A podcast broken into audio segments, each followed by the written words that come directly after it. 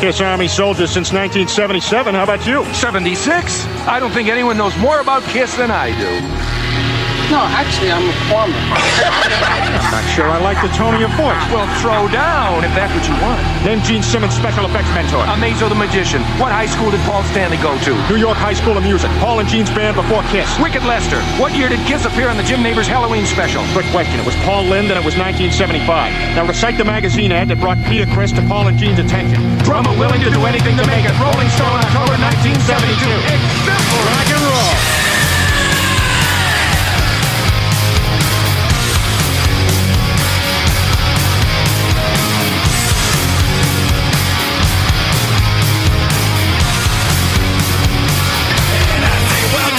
The show.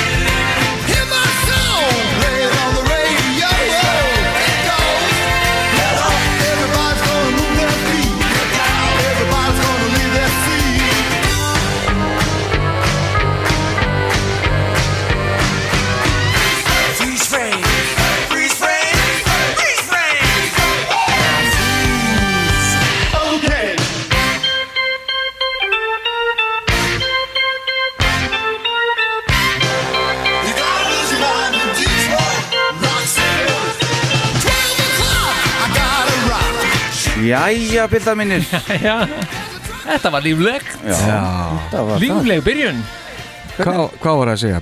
Freeze brain? Nei, freeze frame Freeze frame, já Já uh, Heyrir hann í myndavillin hann aðeins líka þú veist, svona. Vantar að heyra Harry Já, Ertu hér eða hvað? nei, alls ekki sko. Hérna. Hann já. ertu, Það er svo mikið kannski Er það? Svona, þetta er fínt Herðu, já, sem sagt, uh, freeze frame Hvað er það? J. Giles Band eða eitthvað svo liðs Það er ekkert að maður Nei, nei, þetta er hittari síðan 1988 eða eitthvað. Átta? Nei, Já, já. ég held, ég held að það væri eitthvað bara Þetta er sko, þarna hefur einhver klárlega haft of mikinn tíma aflugu Já, og setti saman uh, þennan, þessa tvo smelli í eitt lag. Já, og sko, sá sem þetta gerir hann heldur úti YouTube rás, þetta er til dæla nýtt eða ný sett inn og hann heitir eða kalla sig hið minnsta Bill McClintock. Já, já. og YouTube rásinn uh, títnefnda á samanafni en þarna eru mun fleiri svona tónlistar blöndur sem þarfnast að því minnsta svona ágætis tónera til að henda saman myndi ég segja. Og til að mynda er ekki bara kislu sko. Nei, nei. til að mynda þá þetta hérna líka sko. Heyri aðeins. Midnight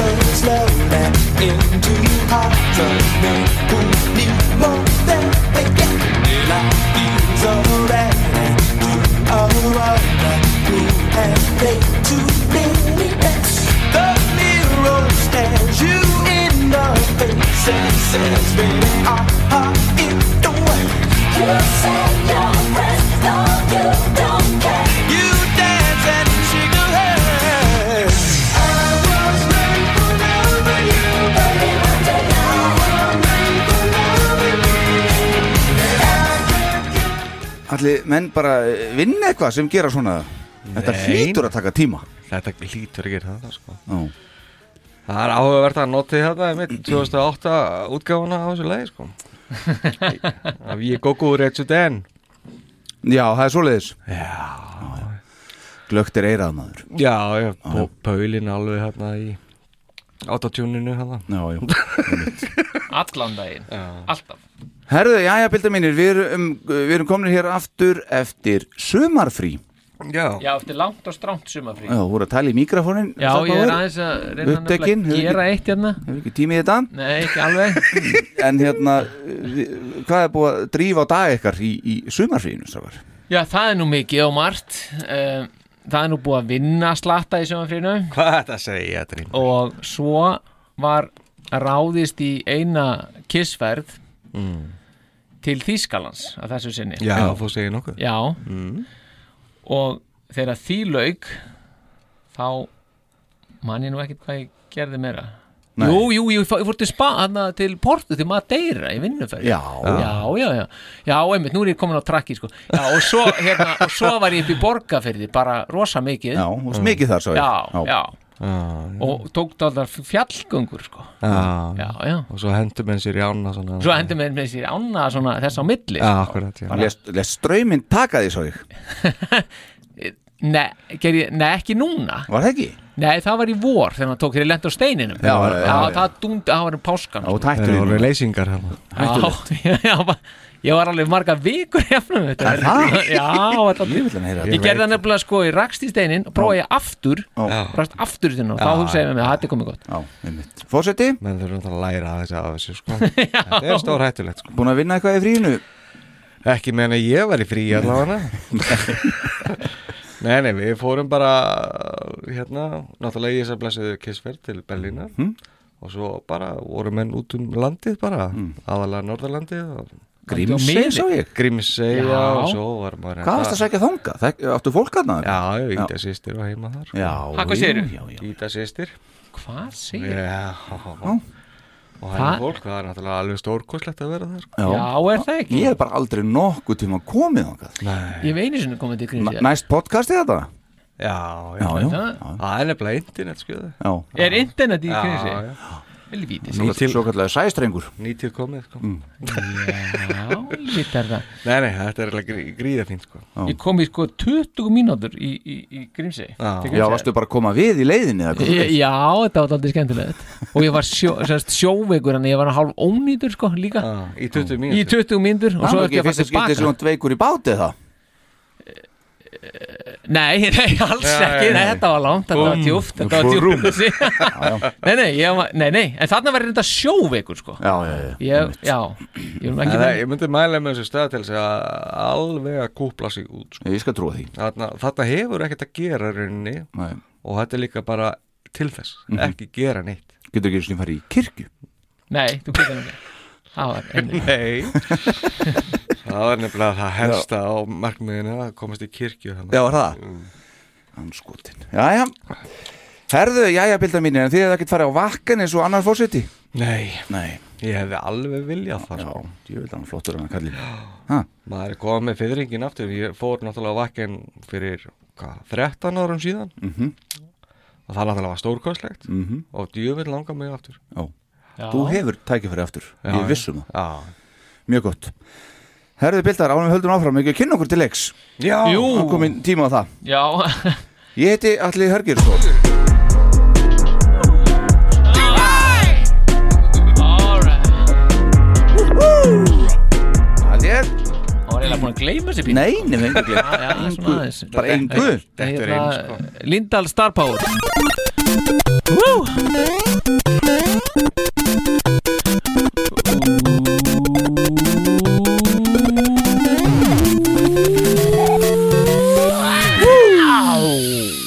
Þarna, mjög vel gert En síðast en þó alls ekki síst. Heiðar Adal Jónsson. Yes! Og hann veifar til fólksins, til liðsins. Alveg eins og guðni á vakkan Já, alveg eins og Guðn á bakken. Já, já, Þetta er gaman að sjá. Aðeins mér. Það er bara einn fórseti hér samt. Já. Velkomnir, velkomnir bildar eftir Það vantar samt fórsetta myndina var það ekki? Jú, algjörlega. Og það verður bætt úr því. Er það ekki Það er allt í vinslu Já, eins og ég var að segja hérna áðan við fórsetan þegar við beðum eftir þér Star Power Já, að við höfum gert aðra eins vitlusu eins og að? Við ætlum að framleiða hér uh, skal það sagt við ætlum að framleiða hér professional made uh, mynd af fórseta Kiss Army Iceland. Já, ok, í uh, fullum skrúða. Leðurbúning. Uh, áritaða. Og hún verður seld til meðlema Kiss Army Iceland fyrir slikk. Ég endur tek fyrir slikk. Já, maður geta að vera með guðuna og svo mig hérna. Og þá- og og þá kunna sumur að spyrja sig hvers vegna? Hví þá það, já, Já, akkúrat. einmitt. ég er með svarið við því. Já, komdu með það. Það er alveg sama í hvaða sendir á þú kemur. Það er alltaf mynd af fórsetunum þar inni Já, og já, það er bara fullt af sendiráðum hérna fyrir Kiss úti hérna sem er að hlusta á okkur og það eiga all, öll sendiráð að eiga mynd af fórsetunum þetta er orðið svo djúpt að maður getur ekki fyllt þessu eftir. Nei, nei, Það er nánast þannig. Ég útskýr þetta fyrir þér síðar. Já, við ræðum þetta eftir. Já, herðu, jájá, en velkonir eftir sumarleifi Já, takk. Takk er kærlega, sömur leiðis Ger, Hvað gerir þú í sömur? Já, ég, ég er búin að vera svolítið í útilegu. Ég fór í svipað ferð til Þýskaland Útilegu? Já. Hvert fórst í útilegu? Ég er búin að fara á Kvolsvöll og, Nú, alla leið Já, já ég var Hvað þar og fór, fór svo yfir til Vestmanneia og, og uh, hvar var ég síðast maður? Ég maður það ekki einu sinni Nei Sverða Uh, Fór e- eina í viðbót Það kemur eftir Já, já. ja. E- e- Hvernig útilegur eru þetta? Þetta er bara með tjaldvagn og svo er bara að fara með grill og mat og, og bjór og góðskapið og eitthvað Já, og er, þetta tjaldvagnin sem að er hér í stúdíónu? Já, og veturna, þá er hann Já, hérna í stúdíónu Já, en hann já. verður ekki hér í vetur ég Nú. skal fullvisaði um það en ég auðlýsi hér með eftir plássi fyrir hann Hvað er hún bara útrýmt? Hér úr, Já, ég nefn ekki úthýst Já, þetta er svo leiðinlegt að hafa hann hérna inni og, og vera eitthvað tvístíðandi kringum þetta allt saman Já, já. Það var óðægt að bara- vera með bílskur undir eitthvað svolega Já, já þetta bara gengur ekki. Vittlisa bara, tóm vittlisa Já, en Nó uh, vera tómur bílkurinn við erum hér í bóði Böttvæsir Búdvar og teknisku þjóðurinn eins og hún leggur sig, sig- ásamt Reykjavík EHF Já, Rétt. Skipolti 35 já, já og, og hérna ósærinni Óserinni Ég var næstu búin að segja í síðumúla sko. Þetta er Æ. svona reykað sko. Annað fyrirtæki þarna. Ha, já, já. Og uh, uh, ég er einmitt að fara til uh, heimsækja Búdvar núna í oktober Já, já Nú, viski að taka frú Freytísi með. Já, já Nei, ég ætla reyndar ekki að fara í vegsmiðuna í Búdivitski en ég er að fara til Prag. Mm. Já, og Berlín aftur í sömuferð þannig að þetta verður svona nú þú ert bara tíður gestur í Berlín. Já, Það er nefnilega ekki svo langt þannig að minna sko. Nei, þetta er samt alveg fjórir, rúmlega fjórir í lest sko. Já. Og ég get ekki svona flóið á milli á þessum degi sem ég þarf að fara. Jesus Christ. Galið. Já, Herðu, ok, uh, við ætlum að hafa tvískiptan þátt í dag. Ég sko, ætla að byrja á því að þakka uh, þeim hlustendum sem mættu á tónleikana síðasta lögata á menninganót mm. já, og þar fekk ég uh, svona mikið af svona, uh, kvartningu um að koma með annan þátt. Ég kann nú tilkynnt öllum að við værum að taka upp núna á mándaskvöldi Já, allir ánægði með það. Og gaman að það sé beðið eftir sko, nýjung Óþregi full Já, einmitt og takk hérlega fyrir það. En tvískiptið þáttur í dag og hann virkar þannig að við ætlum að aðeins að taka núna bara uh, það sem að hefur verið að ganga á í kissheimum og svo síðar hluta þáttarins þá ætlum við að fara yfir uh, tónleikana í Berlín. Og kannski tónleika svona aðeins heilt yfir að einhverju leiti við ætlum að heyra einhver hljótaðmi og við ætlum að heyra hana innskott uh, ég auglisti á Facebook síðu þáttarins. Og auglisti eftir uh, tónleikasögum frá hlustendum og ég fekk nokkrar. Já, og við spilum það allt saman eftir og, og ræðum þetta svo allt saman. Já, ekki það sko áðurum fyrir þangað þá langar mig aðeins á, fyrir tilviljun sem ég rakst á þetta ég ætla að spila fyrir hérna síðasta þátt e- e- ekki allan í heilsinni, Guð hjálp okkur. Ég ætla að hérna spila örlítið brot. Ég er búin að velja hérna cirka ekstra sem ég ætla að, að spila frá. Já, og þetta er Kiss Army Iceland podcast. Uh, síðasti þáttur, það er kannski fullt af ykkur að úti sem hafi prófað þetta, ég veit það ekki. Uh, þetta er sem sagt við á hálfum hraða og þetta uh, hljómar eins og fylliris raus þið bara verðið að hlusta þess, þetta er svo fyndið þýri á bílónum já, í handbóltarokkinu já, Út um allan Allar trissur allar trissur Trissurnar bæði norðan heiða. Já. Sem og hér. Já, ég, ég, ég var Bæði sem bara norðan svona og sunnar heiðar já, já er það já. Óserinni. Já, skjöfbóltur en svo nefnilega verð ég að láta þess geta ekki, að nú ekki beint styrtaræðili. Nei, en ég fór til Pólans já, Hvað er þessi? Já, núna bara nýverið. Fór til Shishen Mm. Heyrið, Tjön uh, Sin það er bara Þetta er í middle of nowhere. Heyrið Það er menn þetta er ok. Þetta er gott það Já, þetta var er kapnar Þetta er alveg rosalegt. Star Power blindfullur hana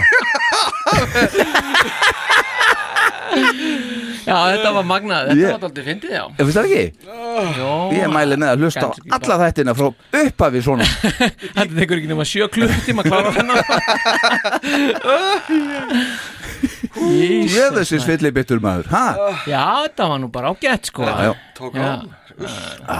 Afsækið þetta, ég bara einhvern veginn varð að koma með þetta. Já, þetta er góður húmor svona. Já, það ekki Það er Alltaf gott að gera býta Herðu, ef við þá hefja, hefja, hef- hefjast handa? Hefist handa. Endilega. Já, gerum þá Sko, ég ætla að byrja hérna á afar fallegri sögu. Já, Engan veginn í takt við það sem við vorum að hlýða á hér. Nei. En það er svo að það er átt ára drengur í Manchesterborg á Englandi Josh Davenport. Uh, átt ára eins og ég sagði. Hann fekk uh, nú aldeilis draumsinn uppfylltan núna í júli 2023 drengurinn þessi, hann berst við krabba minn og er gríðarlega mikill aðdáðandi Kiss. Hann var á leið á tónleika þeirra í Manchester á samt föðu sínum Tom Davenport og ekki er þó mikið til af peningum á þessu heimili þeirra Davenport fjölskyldunar þannig að vinur föðursins byðlaði á samfélagsmiðlum til annara Kiss aðdáðanda til Kiss samfélagsins. Og um að styrkja drengin svona kæmist nú á soundcheckið og í myndatöku með þeim, meet and greet en það var einn maður sem sá þessa beðinni og það var sænskur svíi frá Svíþjóð sem eh, bauðst til þess að greiða fyrir þá feðga úr eigin vasa. Aðleitt svo þeir getur látið þennan draum þessa unga drengs rætast. Næja og þessi ágæti sví, hann var einmitt uh, sjálfur á leið og þessa sömu tónleika og búin að kaupa sér með það sjálfur, átti pening og vildi einfallega láta gott af sér leiða. Og það nafnlust, hann var ekkert að sækjast eftir aðtegli Það er sann sví samt sví Já, og við skulum hérna rétt aðeins heyra og þið sjáuð reyndar þegar að Tom Davenport sagði síni sínum, Josh frettinnar þegar að hann væri að fara þarna á þessa tónleika heita þá Já, þetta er, þetta er svolítið fallegt Mark, we got this. So there was something extra that we wanted to talk about because we need to get sort of planning of what we're going to do today, right? Yeah. So I think in a little while we might have some bacon and sausage butties around lunchtime. Yeah. The idea is, Joss, that we're going to go into Manchester a little bit early. Do you want to know why? Why? Because we're going to sound check. We're going. We're going to the sound check and the Q and A. What? Yeah. Yeah. We've got diamond VIPs, mate. Oh, oh We're oh. going. Sound check. we're going to the Kiss sound check. Oh. And the Q and A, and then after that, just before they play, before they play tonight, Yeah. we're meeting them in makeup no. and having the No. We're gonna be there. yeah man. Þetta er fallegt ah, Ef að einhver hafi mist trúnað á manginni þá hérna getið öðlast á ný Alltaf þetta treysta svíjana Já, já, já, já. Svíjarnir er þetta þess alltaf. Uh, Höldum áfram. Ég er með fullt af alls konar dóti strákar. Já, láttu af það. Þið bara stoppið mig ef að þið eru komin með hundleið á þessu. Jimmy Page, hann skellti sér á kistónleika núna í, í sumar í London. Og daginn eftir snætti hann lunch með Paul Stanley og, og Paul auðvitað byrti af því mynd þarna á Instagram, sáu þið þetta?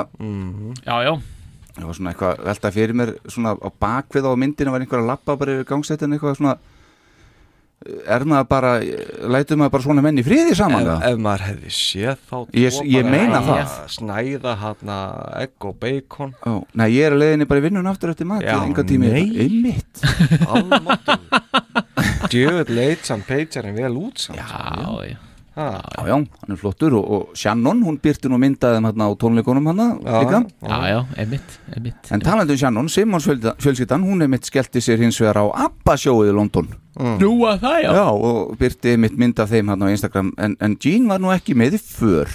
Nei, nei, Nei, nei, en það er nú látið vel að þessu ABBA sjóið sem er nú stýrt af einhverju íslenskri konu. Ná, hvað þetta segja? Já, já, nú, já. Já, það er, ég heyrði vitalveg á Ross 2, það er einhver íslendingur sem hann stýrir öllu þessu dæmi og bjó, bjóð þetta til að var í forsvari fyrir það Já. Herðu, en okkar menn, þeir hafa svo verið í smá frí núna síðsumars en starta svo túrnin sínum eilifa á ný, þann 1. september næstkomandi eftir cirka viku eða rúma. Þá koma þeir fram sem opnunaratriði á Polaris Crandon World Championship rallyun í Wisconsin Það er USA ekkert annað. Og verða þar með fullt sett strákarnir? Já, En að því loknu þá kíkja þeir til Ástralíu í sitt allra síðasta skipti. Koma þar fram með tónleika á Accor Stadium í Sydney 7. oktober. já, En skipuleggindur úrslitaleiksins í EFL, Ruby, deildinni þar í landi eða Australian Football League, er að reyna að fá þá til að koma viku fyrr til Ástralíu til að flytja þá heil tvö lög í hálfleik fyrirnefnds úrslita leiks. já En hvað sem að því verður, þá fara þeir eftir þetta til Sydney, eh, eftir Sydney til Dubai og verða þar 13. oktober og taka þar eitt gig sem verður þeirra síðasta utan Norður Ameríku á þeirra ferli. Hver er Já, alltaf sé að fara að koma og horfa á Kiss í Dubai? Það er spurning hver, þeir- komu síðast? Já, þeir Engin. sem var á hótelinu Já, þeir eru hérna sundlega gestirinn hérna. Já, já, það var Þetta náttúrulega Nú er bandi í kvöld. Það er bara live músík og vínt Já, já, Já, já. það er dinneband. En sko, hérna, já, ok, hverjir, ég veit ekki, en þarna er Money Talks. Já, já, algjörlega sko við skulum átt okkur á því og sama meðan hann úrslitaleik hann eitthvað tvö lög hefur farað viku fyrr, come on Já, uh, já. en svo, guys, eftir það þá eru eingöngu 25 tónleikar eftir og allir í Norður Ameríku sem ég sagði, Já, þar af þessi tveir í Madison Square Garden í upphafi desember, grand Já. finale. Já, grand finale, já. Þeir hefja leikir sem þannig í Ohio já, 19. oktober eftir þetta Dubai-æventýri Já. Hann, já Það verður þá stuð. Þeir skil slá leiklega í Detroit Rock City til að byrja með. Heldur ekki? Já, já. Sagan segir hins vegar að Evan Stanley og hans hljómsveit sé að fara að hita upp á þessum leik, hafið þið heyrt það? Nei, Nei. Nei, ég var að lesa þetta. Þetta var hann góð með eitthvað annað band eða hvernig var Já, mér skilst það. En ég veit ekki hva, hverjir er í því að hvað ég hef ekki heyrt, ég reyndi að googla eitthvað ég, Hvað hétt þetta bandi sem að við sáum? Jésús minn heldur Jésús það. Já, Það hétt ekki það sko Nei. en, en, en ég, nei, aldrei. Að menna það, sko. Nei, nei, en Ég það var alveg, googlaði það. það var alveg fínt band sko, þannig Já, það er gaman að hérna, hlusta á hann gaur og þetta. Ha- hann, hann kann að syngja og hann kann að spila Já, algjörlega, og kann líka alveg performa sko. Já, já, það, það líka já, sko. var hann ekki að taka seppilin á krúsinu eitthvað svona? jú, Já, Jú, ég meina, þetta er alveg alveg gaur Hann er með smá músík í sér Já, hann hefur svona eitthvað heyrt nokkra tóna í gegnum tíðina já. Alveg nuppið eitthvað Já, maður já. er á tilfinningunni En hérna, já, ég ætla hann að tjekka það og svo og það er ekki búið að bóka hann á þetta en þetta er svona einhver, svona einhver umræðu hann á, á hérna, netinu. Já, Sjáum hvað verður með það, en hugsi ykkur eftir allt sem að þú spurur okkur einhvern tíðan Star Power, hvað er, haldið þessu búin að spila mörgum tónleikum? Já, og ég held að við höfum skitið upp á bak, báður í á fórsetinu í sikkur áttina hins vegar. Já. Eh, Hvað voru það margir mannstöða? Ég man alltaf ekki. Nei, er nú, nú aðeins búið að fenni yfir það. Já, já, En allt, allt er góðu. Þeir en, voru en margir. þeir voru margir. Já, 2000 dögur já, það voru eitthvað 2006 eða eitthvað? 3000 sjálfsagt sko. ja, Mér minnir samt að ég hef sagt eitthvað Já, þú sagði miklu- 500 sko Nei, nei, fórsetið var miklu neðar Ég var ekki stöður byrja Varst þú í 10.000? Já, eitthvað svona sko. Já, og í hvað þætti? uh, Súr augu þetta Já, skúr Ansi margt í þeim góða Já, þætti góðu þáttur En hérna uh, uh, Já, hvað sem verður þá hérna Það verður- spennandi að sjá hvort hann hitt upp eða ekki Já, það getur bara verið skemmtilegt að hita upp svona, á svona kynslu skipti þarna Já, já eða eitthvað hvað það heitir En það sem ég ætla eins og segja og var búin að gleyma þangti núna er að, að eftir alla þessa tónleika sem búin er að vera Já. þá er bara 25 eftir svo eftir þetta ævintýrið er hérna í Dubai og það. Já, já, þetta 25. er, þetta er bara þetta er að já, þetta er bara, nú er ég að reyna að reikna Mhm. þetta er einhver bara 0, eitthvað prósent eftir sko Já, er það ekki? Jú, jú, einmitt. það er bara svoleiðis Áfram höldum við Já, já, og uh, þá ætla ég að segja frá því að uh, Brúsi Kúl Íslandsvinnurinn Knái já, hann mun koma fram á góðgerðar tónleikunum uh, Kiss Cancer Goodbye 2 já, ég veit í það. Sarasota, Florida þann 14. oktober, brúkuð samanlunum mínu uh, Já. þar ætlar hann að fagna 30 ára útgáfaðamali Kiss Alive 3 og mun hann á samt hljómsveit flytja hann í heilsinni Það er ekkert Já. annað. Hvernig finnst ykkur það? Já, Það já, er ekkert að því. Nei, það er bara svolítið gott hjá hann að gera það sko. Já, ég er sammála, þetta er bara alveg Er þetta þá brúskulug bandið þannig bara með hann Já, ég hugsa það. Það Já, ok, já, bara fara hann að söngverðin að reyna sér við pól bara í gegnum með allt settið. Einmitt. Já, Akkurat, já, já. Já, bara verðan maður góðu. En það ætla ekki eis eitthvað að kíkja hann líka? Það er Jú, jú, akkurat, það var næsti, liður í þessum lið. Já, fyrir því og hann sérst sjálfur, Ace Frehley, hann ætlar að koma fram á þessari sömu hátíð.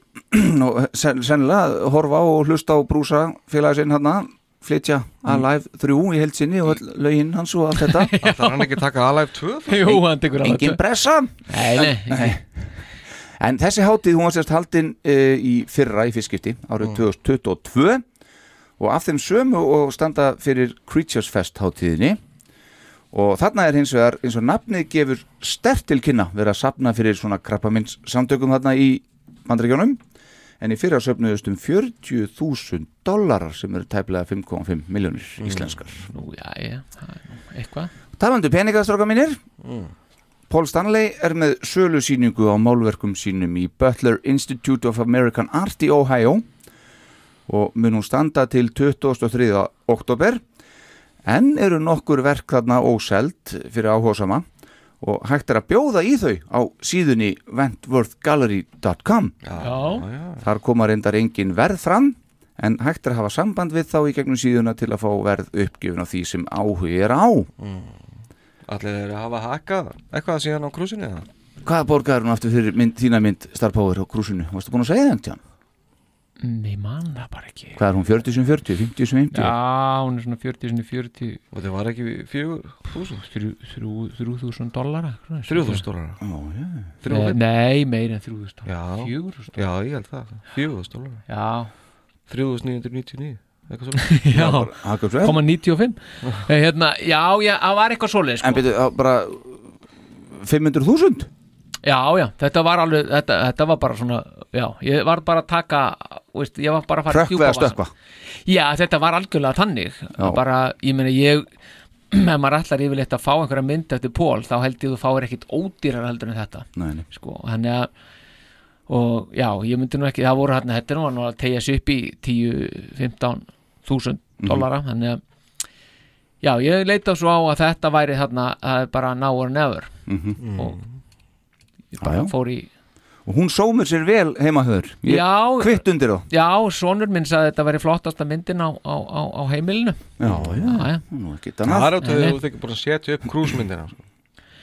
Nei, hún, er í hól Hún er bara í já, túbu já, já, já, já, já, það Sem er reyndar- galið. Já, það er galið, ég er alveg sammála því Áritið og allt ég, Já, nei, það, ég ætla ekki að vera með þá mynd sko. Hún er ekki í hólk, hún er bara upp í hillu en ekki í hólk sko. Já. Þetta var mynd, sko, er síðan í Paris þarna, Já. eh, 2015 Já. Já, já, hún sem er í hólknum við dittnar heima núna sko. að ég ætla að taka hana með. Býður spennt. Býður spennt. Til að fá að koma með. Kíkir á hún að þú kemur heim. Já, hún kemur næst. Það er bara allt á sein Já, já, vísu Herðu, uh, fyrir sumar uh, í júni uh, hérna þá fagnaði platan Kiss My Ass 29 ára amali sínu. Já, já. En það var hins vegar fyrir 30 árum uh, að því það var 93 að upptökuna fóru fram svona mestu. Já. og eitt af þeim böndum sem var bóðið að vera með og langaði það mjög var Stone Temple Pilots.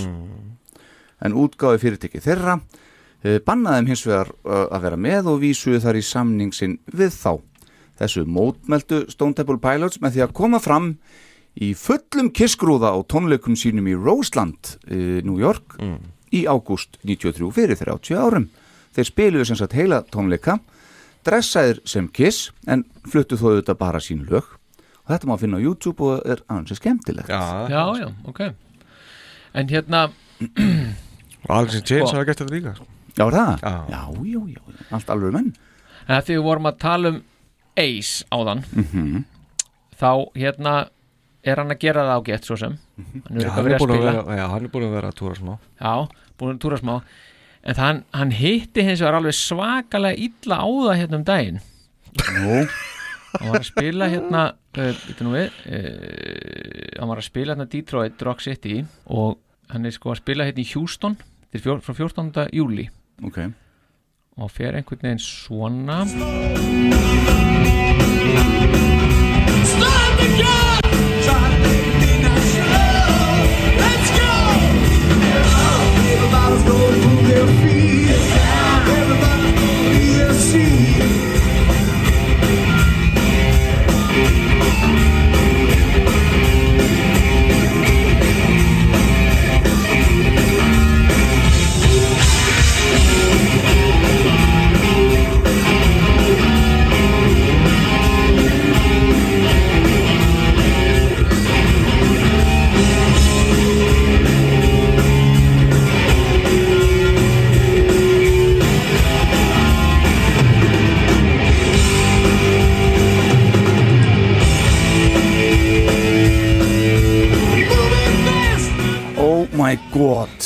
Bara gæi- á sviðið í Madison Square Garden með hann. Núna. bara beint sko það var svo fyndið sko þegar hann tók fyrsta Mm. þá snýra sér svona við á sviðinu og lítur svona aftur eins og þetta sé einhver sko bara hérna trommaranum að kenna, já, sko. trommaranum að kenna sko Já, Svo svo hann- sviðsljóðmanninu. já, sviðsljómann sem var hann einhver á bakvið og svo, snýra sér bara fram og stendur alveg gravkýr og meðan hann skröltir einhvern veginn í gegnum Já, þetta hann, hann er ekkert að breyta sko. nei, nei, það er ekki Jöfell á vond að hlusta á þetta.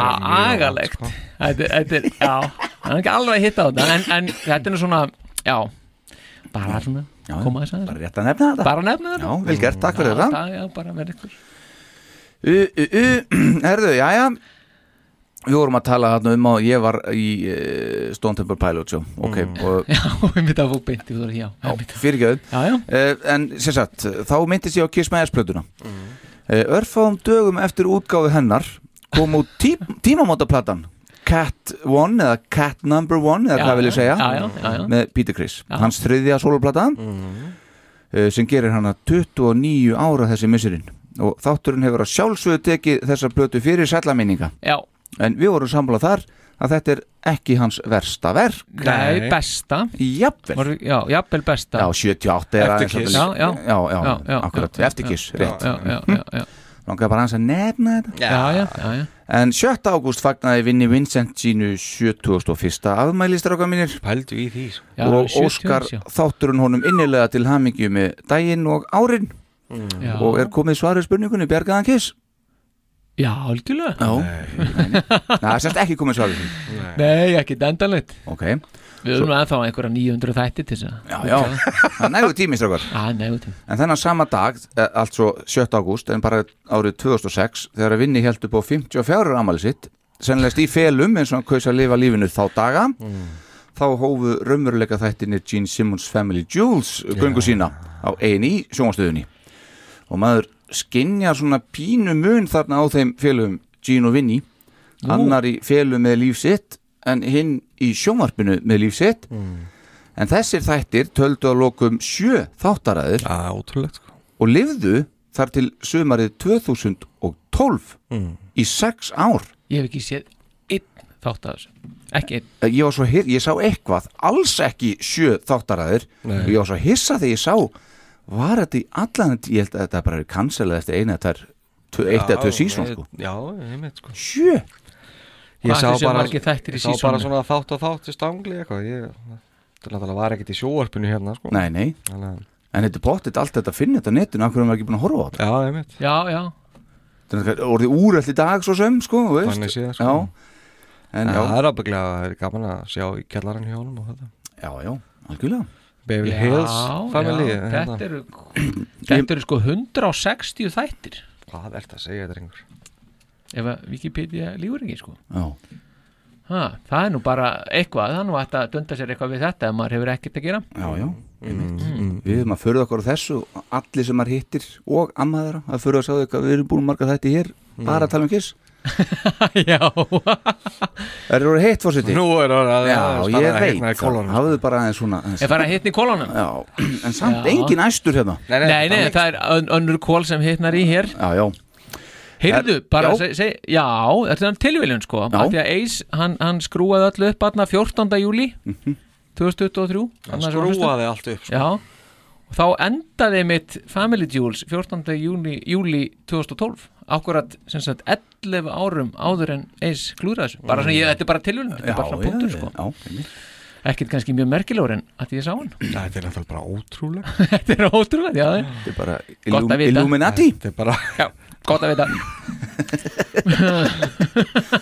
Herðu, já, já.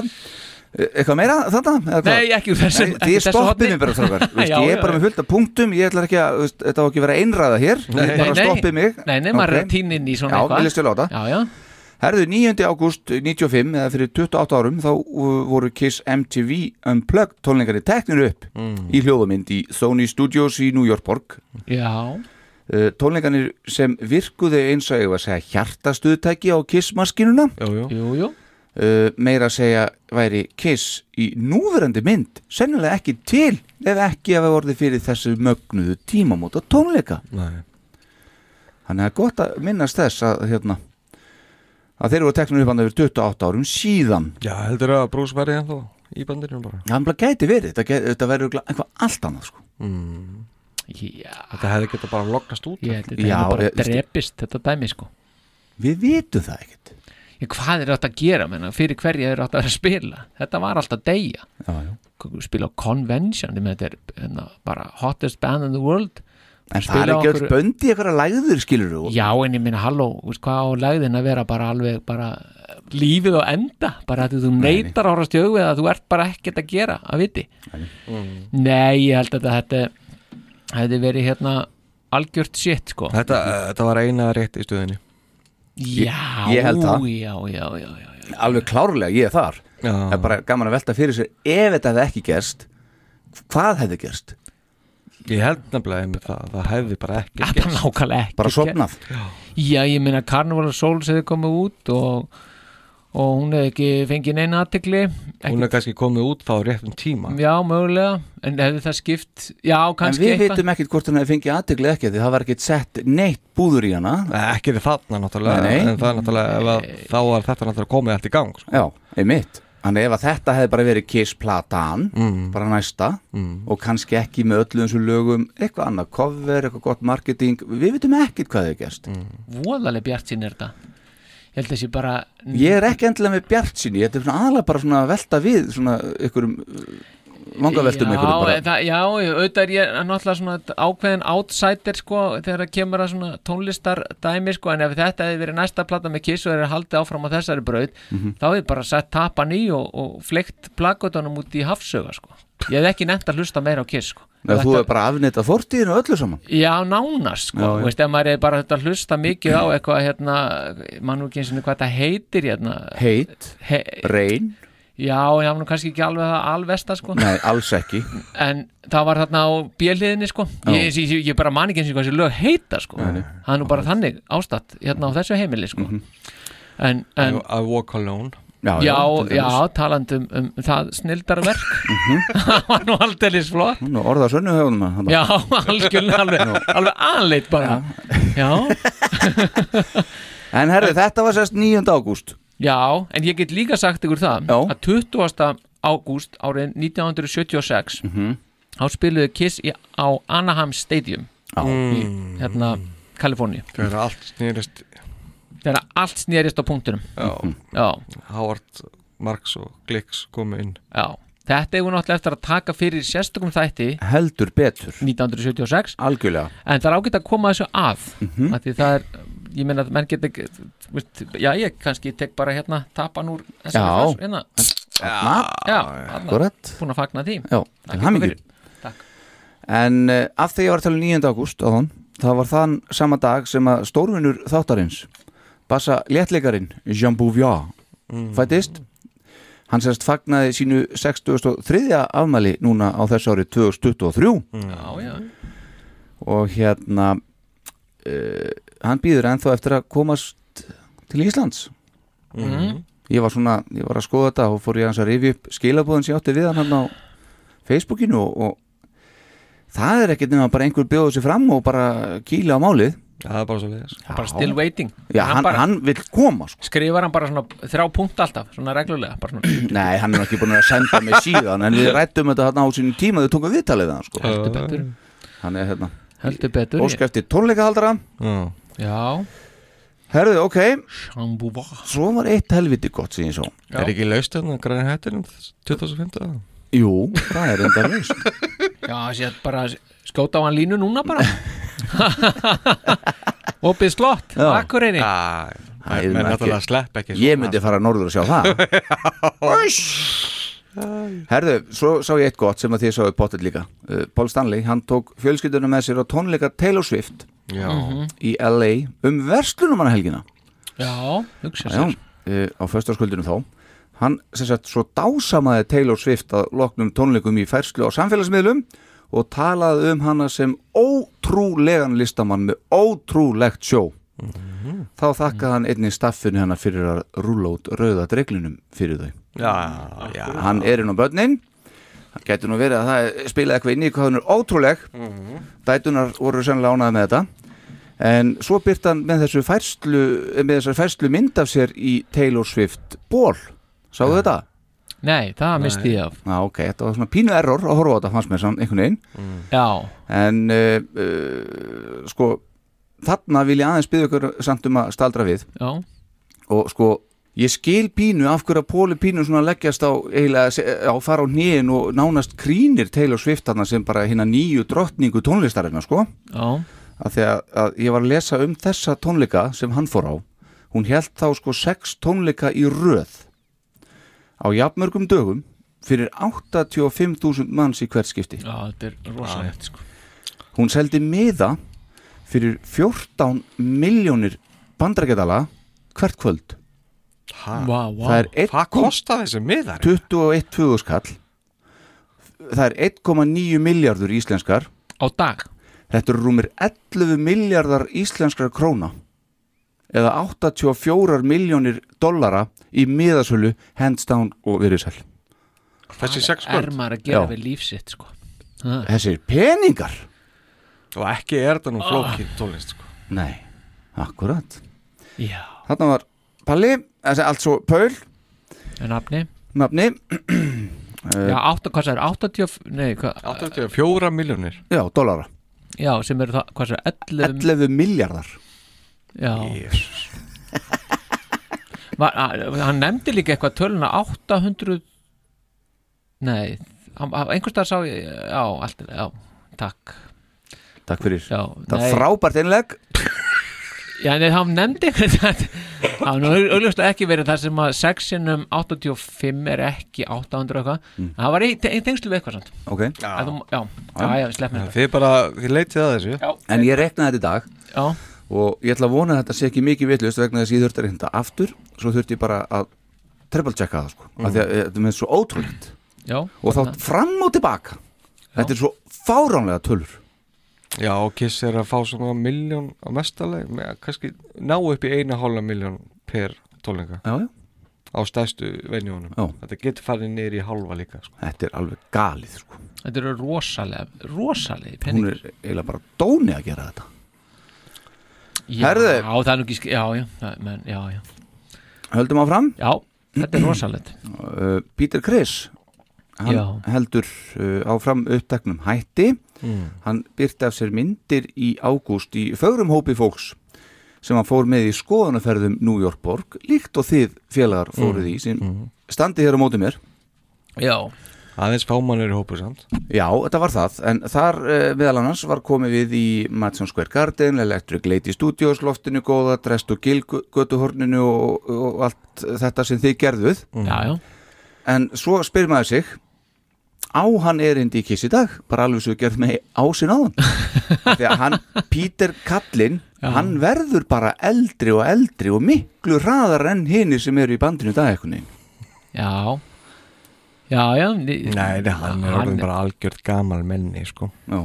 Nei, ég held að það var algjörð óðsmanns æða að draga hann hann upp á sviði Madison Square Garden til að Já, bara hans vegna performa, líka, sko. sko. Já, Já, samt, allra sko. vegna sko. Það var alltaf lægi að draga hann upp á svið og setja hann á dolluna og, Já, og nei, ég minni ef hann ætti að performa sko eitthvað á, á, í trommuli Nei, sko. nei, en, en, en jú, já, hann geti, hann geti í gegnum Beth og Já, eitthvað ég svo meina, ef og hann láti kæmi sjá upp á sviðinu bara, þú veist, og málaður og taki Beth bara í söng, það er náttúrulega væri stórkostlegt það þarf Já, ekkert já, nei, með, það væri stórkostlegt. Já, en, en, en það má ekkit vera meira hann ekkit að fara að spila hérna eitthvað eitthva, eitthva stöf sko. Eitt sett, bara forget it sko. Nei, nei, ég minna þó Ég að það er ekki nema eitt lag sko. Það, það væri bara stórkoslegt Já, að sjá hann koma upp úr þarna Já, bara. já, bara í grænum, hérna græna litnum já. bara, bara taktu ein, inn eina summu í lokin. Jean, Paula Jean Kevins og, í endan já, þarf ekki Come meira, einmitt. Shit, ég fekk bara gæsa þú að tala það væri alveg, En svo var ég að hugsa, að ég hef náttúrulega sagt þetta áður að þetta er akkurat það, ég meira sér sagt við kona mína helviti oft en þetta er akkurat það sem að svona kiss nöttaratir sko eins og við og fleiri gætum farið að stunda svolítið svona eftir, eftir túrin þegar þeir eru svona búin að hættar að túra og hættar alveg tónleika. Já, svona meðan þessi kallar, að- kallar að hanga upprættir því minnsta að fara á svona ívenda Já, veist, einhver, eins og Pítur er að gera Já, það, finnst já, já, stór sniðugt að, að fara á skoðun að fer með Pítur Chris um þetta og minna Gini með eitthvað svipað whatever sko, já, hann var nú að fara í sumar, var að fá dinner með Jean akkurat Mm. um mitt, það kostaði nú, augun úr og fegst að eiga diskin já. Fekk maður eiga diskin Já. Já, já. Hvað, hvítur bara svona Framleittur alveg sérstaklega disku fyrir þetta. Í vel logoinu og eitthvað svona, svona. Já, já. Money bag og eitthvað en svo var eitt fyndið og ég er svona bróstandi annað því ég sá Já, þetta fegst money bag vodka líka. Nú já, ok, Æja, það æja. flott en skott að það er ekki með handvarugu bara. Mm. en uh, skal ég segja ykkur á þessum myndum sem ég skoðaði af þessari ferð sem Pítur fór Já. þá sá ég og þá hugsaði til ykkar Já, vegna þess að það var ein kona á þessum myndum Já. sem var uppfið Pítur á hverju einustu mynd. Já, Colleen. Ég veit, nei, Jú það var ekki hún það var bara einhver gestur í trippinu sko. Já, já. Og hann, þá hugsaði ég á að þeir tölu um að væri ykkur, hefði ykkur svona verið í ferðinu ykkur líka. Já, kó- kórstjórinn? Það er, já, einmitt, það er greinilega svona alltaf eitt sem er hann. Já, já. Já, og bara, þú veist, hangir utan í honum. Kansi ekki. Nei, leifir engum öðrum að komast að. Nei, nei.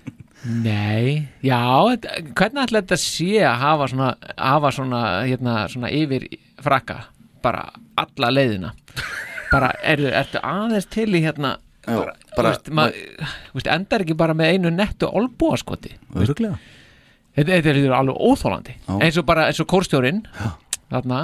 Mm. veist, ég, Ég veist að fórsetin er þið búin að skalla hann sko. Já, Já, bara alveg lóðbeint sko. Já, já. Bara á leiðin inn í Electric Lady og bara, bara niður stiga Já, bara. niður stigan sko. Svo hann bara hefur settur inn í geimslu með hann. Já. bara, Já, Já, bara svona Nei, ég veist, þetta er bara að þetta er geggjað. Herðu, já, já, við höfum að halda áfram. ég, sko, ég get rétt ímyndað að þetta sé ekkert auðvelt fyrir Pítur að vera þessu heldur sko. Nei, nei. Þannig að ef það er eitthvað svona að trubla mann og gera þetta miklu erfiðar en þarf að vera sko. Já, bara leiðilega Já, ég veit það, bara, sko. bara leiðilega, bara plain leiðilegur að hanga svo Mhm. Ah, Þetta er ekki svo þetta fólk sé ekki Það er, það er alltaf verið að trubla það einhvern veginn og já, það er Mhm. nóg um það. Gigi, hún er ekki verið með í ferðinni eða? Ég- Jú, jú, held það reyndar sko. Já, já. Hún bað nú okkur um að sko þegar við vorum að býða hann einhvern, vorum hann í Anderinu í New York, í hótelinu. Stjúart Stewart Hotel við 5. Avenue og þá, þá sem sagt baðun okkur um að, að Peter er að koma veist, ekki Þessi, á hótelinu okkar Já, á hótelinu okkar, sko. Þau, þau voru á sama hótelu við sko. Já, já, já, Ekki á hótelinu sem að konvensjonið var á sko. nei nei. Við hittum það bara, bara þegar við vorum að checka inn Já, já, já var það þá sem við hittum já, Það sáum við bara Gigi Og letuðu hann alveg vera þá eða? Peterinn Já, hún kom og talaði við hún okkur. bað okkur Já. um að vera ekki að- að bögga Peterinn Þið vantarlega í kissbólum og eitthvað svona. já, já, og við sögum náttúrulega bara nei, við ætlum að bögga hann. Og böggaðum hann, nei, nei, nei, nei ég minna auðvitað bara sýnum að það. Mhm. þá tillit sem ég Maður er bara fávitið að maður gerir það sko. já, bara með ykkur ókistlega leiðindi. Já, Herðu, svo er nú hérna uh, Kosta tilbúð hérna sem þið getið ekki hafnast okkar já, Við ætlum að snú okkur aðeins að Ace já, uh, Hann býður upp á nýjung já, fyrir aðdándu sína að best ég veit uh, eitthvað sem hefur reyndar vakið mikla kátínu í net heimum núna síðustu vikurnar. Þetta kaupa sokka hjá hann eða? Eh, Nei, er það annað það eftir? Já, já nú, já, já. en af hverju ekki alveg eins og brúsið með sitt su- Sunduna? Lu- já, lummusöluna þarna. En sko Pönnu sala Tíma, þetta er ekki pönnu okkur sala Jú, jú. Þú uh, sko einfallega borgar honum 5.000 dollara Ace, já, á, sem eru 700.000 krónur. Ok. Og hann spilar á gítariðin á tónleikum. Sem þú fær svo aftur tilbaka á tónleikum loknum. Og þá áttu gítar áfram sem þú átti fyrir sem að Ace spilaði á, á tónleikum. Það fylgir ekki söguna hvort sem heilir tónleikar er eitt lag eða eitt kapli, við ektu það. Hann semst leigir aður gítarinn. Þetta hef ég ekki hert að þér. En þú borgar þetta er svona, ah, þetta er ekki ekki hvernig á að komast ofan í Vasa 101 Já, Já, þetta er mjög góð dýl sko. Hjá Pól, þegar hann er að bjóða gítarina Mhm. þá finnst kosti kemur maður ekki með gítarinn og lánar hann sko. Maður fær þá gítarinn Já, Já, akkurat. en Það það svona- kostar líka aðeins meira sko. já, já, nei, ég meina sko borgar s- 7500 krónur eh, dólarar reyndar. Munar aðeins. Ég myndir að gera þetta verið 7500 Já, kall. já. en hérna Þetta röstast með gítarinn á tónleikana rétta eis hann, hann spila fyrir 7500 dólar svo færði hann aftur. Já, Þetta Nei, fyrir 5.000 dólar 5.000 dólar akkur hvað er ég með þessi 7500 dólar Ég veit ekki um það. Nei, ok, en hérna, já, þetta er alveg geggjað. Þetta er geggjaðu dýr. 700.000 Já, 700.000, já, það var það sem, já, já. þetta er- þetta stóð öllu saman hérna. Og með þessari auðlýsingu, þetta er bara eis Facebookinu, þá var semst mynd af honum á tónleikum með gítar auðvitað en það var búið að svona má út gítarinn og það var bara svona útlínur og spurningamerki, þinn gítar hér? Ó, my Photoshop. God. Þetta er gott ef að fylgir ekki sokkapar með. Já, já. Jæja, ég myndi nú vilja það líka. Já, er kosti, ég sko. að Notaður sokkaband með gati. Já, það, já. Herðu, uh, áfram í getur sendt hann á sokka og hann verið í þessu Tekur spilar. Meðan hann spilar. Sendunum ykkur F á sokka eða eitthvað. Jöfnveit, þetta er geggjað. Það er 3000 dólar í viðbót. Ef við gerum það. Já, Þetta er viðskiptatækjum tveir fyrir eitt bara á tíu stölar Já, Ég bara, ég ætla að senda gítarinn bara út á morgun. Já, ég, ég veit ekki gera það. Herðu, áfram í honum, ásnum. Já, Hann spilaði á uh, Heinz Apperson Music Festival Já, já. Í Indiana núna í byrjun júli og fóru tónleikarnir sjálfur vel fram þó er ekki vita hvort að ásinn hafi leikt uh, sér gítar fyrir sjóið nei, nei. En það var það sem fylgdi sem vakti meiri aðtigli því miður. En þá var umbóðsmaður hans og sérstakur aðstúðumadur John Ostrowski að nafni handtekinn Já. fyrir að vera dauðadrukkin og með óspektir á almannafæri á samt því að hóta forsvarsmanni hátíðarannar lífláti þar sem hann var að keira um á gólbíl á samt fjölskyldu sinni Ost- og Ostrowski var semst færður í fangageimslur og látið laus gegn 8000 dollara tryggingu daginn eftir. Já, já Við vorum í sambandi við hann nefnilega þegar við fórum á mítið grítið við, Já, við Ace. Ace, Já, er það? Já, já. Í París? Já, Ah, hann leit nú ekki út í rauðin einhver brjálaðu dólkur Nei, þar sko. Ha. Nei, nei. Þetta er alveg maður. Já, já. Er spurning hverju greitt þessa 8 dollara, miljón krónur. Þetta er nú bara ein, Já, ja, ein er- gítarlega bara Já. Já, þetta er heit Ein og hálf. Já, akkurat. Uh, Kanski ein gítarlega með sokkum. Með sokkum, já. En stu, John, sem er 53 ára býður nú að ég best veit ég fann ekkert meir um það ákæru í nokkrum liðum vegna málsins. Nó. En það var sem ég hugsaði því ég las þetta bara blessaður kallinan Ace. Þú veist, af hverju er hann að umganga svona Já, hann, hann, hann er nú ekki vanur þessu kallinn sko. Og, og stróski þá? Já, já, hann er yfirleitt verið að halda sér á mótunni sko. Já, já.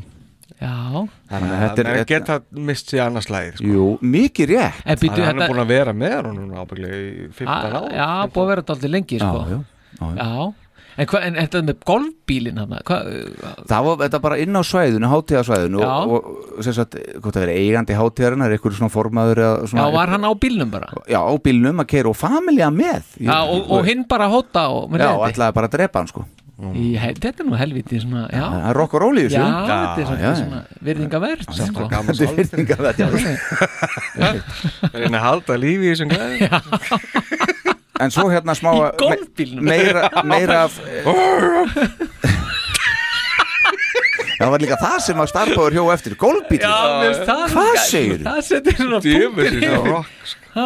Punktin yfir í Já, sko. akkurat uh, Ásinn áfram hann var að endurútgefa plötunar Anomaly, Space Invader og Spaceman í takmörkuðu magni þó á lituðum vínil, getur valið um tvær tegundur á hverju plötu og segir hann þá einni frá uh, sjálfur í leiðinni að nýplata með nýjum lögum eins og við vitum sé nánast tilbúin. Og við ættum að spenna beltin.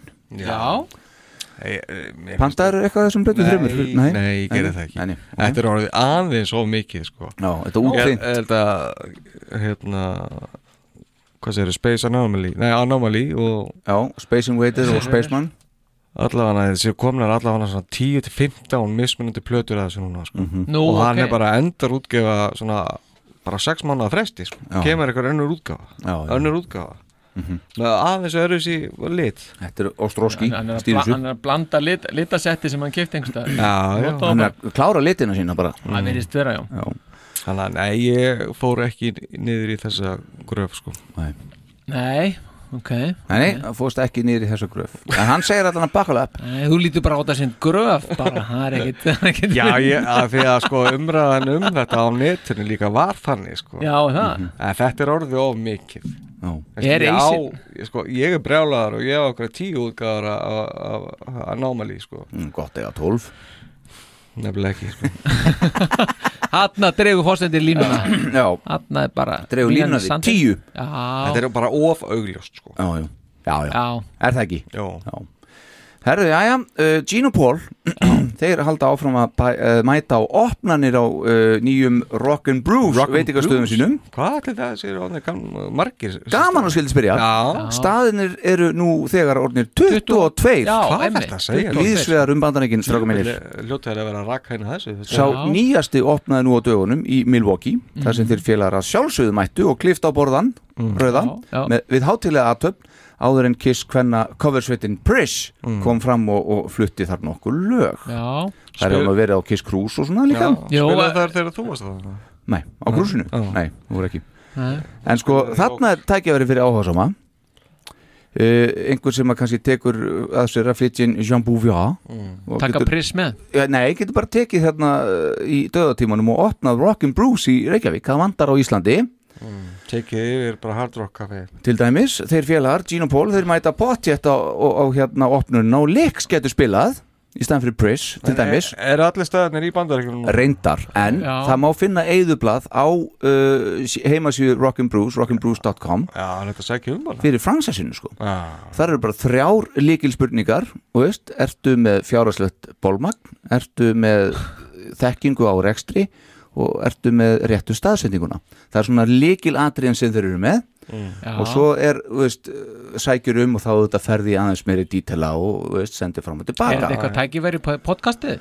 Já, og opna Rockin' Brews Já. Já, og svo bara alltaf tekið upp bara í, í hérna beinni bara á veitingastanum Ég við getum bara verið með það í hérna Já, bara í skúrnum Það er hérna. mikið pláss í skúrnum Tjaldvagninni færi út sko. Já, einmitt. Þá get ég setta í umsöknuna Yes, I have the space because uh, my tent will not be there. Já, já. Já, já, Já, þetta er ekki ég með eitt frambælega hann á Íslandi. Herði, nei, nei Já. En við skilta tekið verið klálega Já, hvað hva ætti þetta kosti að setja svona lakirnar? Núna bara er þú settur í málið að sækja um Og bara segir svo bara ein, einhvern tíum punkti nei takk Þú er búin að heyra verðið. Já. Njóstnar fyrir hlustendur. Já, kannski að maður Já, gerir það að því svona að þú sendir það, þú er þetta doktor sko. Það hlýtur að hafa einhverja Já, hefur það með. Já, Já, já, sennilega virkar mjög vel í þessum bransa. Já, Ég þetta meina, hljóta gætir ekki verið meira saman sko Nú getur sagt að maður mun líta alveg hárrétt út staðurinn Í, í takt við umhverju sálfræðina Já.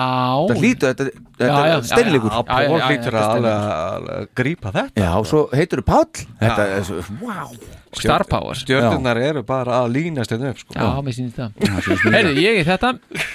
Þú þetta, herðu, lagahöfundurinn Knái og Eurovision farin uh, Snjalli, Mhm. Desmond Child var í anserhint skemmtulegu viðtali nú fyrir stötu þar sem hann talaði um hversu gríðarlega uh, Gene Simmons særði hans, hann tilfinningarlega á Já. þeim tíma sem málingi var að fara af bandinu Desmond segir að hann hafi farið í að þessar Gene hafi farið í yfir hundruð uh, yfir hundrað viðtala þar sem hann hafi haldið því fram að Kiss þyrti ekki aðra laga höfunda en þá sjálfa sem bandið, uh, þá sjálfa sem bandið skipaði þá og í raun væru þeir búinir að ráða öryggisverði til að hafa fyrir utan stúdjóðið til að halda Desmond Child frá bandinu. Já, Það myndi sérstaklega á það. Já, þá hafði Desmond Child þarna nýlega samið uh, smellin Heavens on Fire á samt Pól og þessu áttu Desmond því afar erfitt með að kingja, hann sagðist að það var ringt í Pól og spurt hann út í það hvers vegna Gene væri að segja þetta og haga sér svona. Og Pól hefði þá sagt, æ, ég veit það ekki. Gene er bara Gene og ég geta engan hátt stjórnaði hvað hann segir. Þó virðist Pól hafa rætt eitthvað við Gene því nokkrum dögum eftir þetta símdal kom Desmond heim til sín og á símsvaranum beið hans skilabóð sem hljóðuðu svona. Hi, this is Gene Sorry. From Kiss. Já, from Kiss, svo kom Sorry.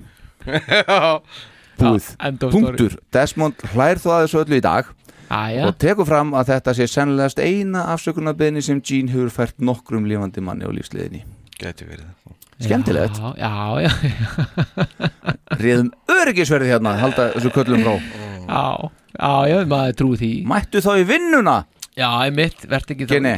Já, nákvæmlega, verði þá ekki einhverjum hérna, kvikmynda business einhverstaðar Já, einmitt. Run away Já, Ég er að tæma pakkan, við erum þú, alveg, já, já, þú ert að taða pakkan við erum alveg að komast í hérna, hinn hlutan Ör, Örlítið eftir. Já, já, Við hér inni, við sáum Kiss í Berlín 22. júni nú í sumar Heldur 2023 og við ætlum að ræða það betur hérna eftir.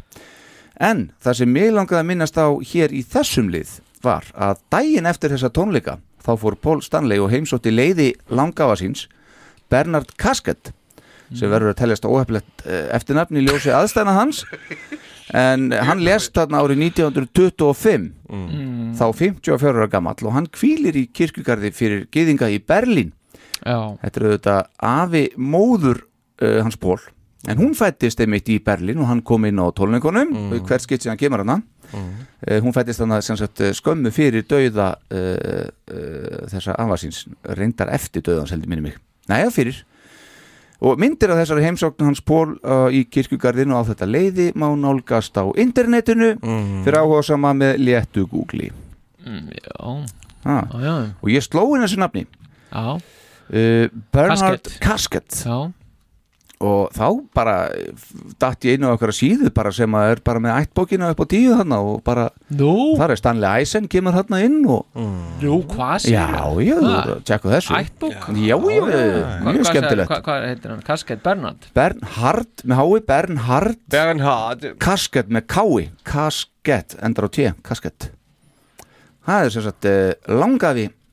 Paul Já, þetta er, já, þetta er skemmtilegt. Skemmtilegt þetta internet. Gaman að því. Já, já, já Herðu, uh, svo hérna næst síðasti punkturinn minn þangað til við dettum í eitt millihotn ég var búin að glemma því. Já, uh, En ef að, ef að það hefði ekki flúið til bandaríkina Hvað þá? Já, ég mitt ef að hún hérna Þú sér hvað hún heitir og flettir í Já, já, ég, hérna ég, ég, ég á nú að vita hvað hún Eva, já, hún heitir Eva. Mm. hefði ekki flutt. Þá, Já. uh, bara, þá hefði Gis ekki orðið til.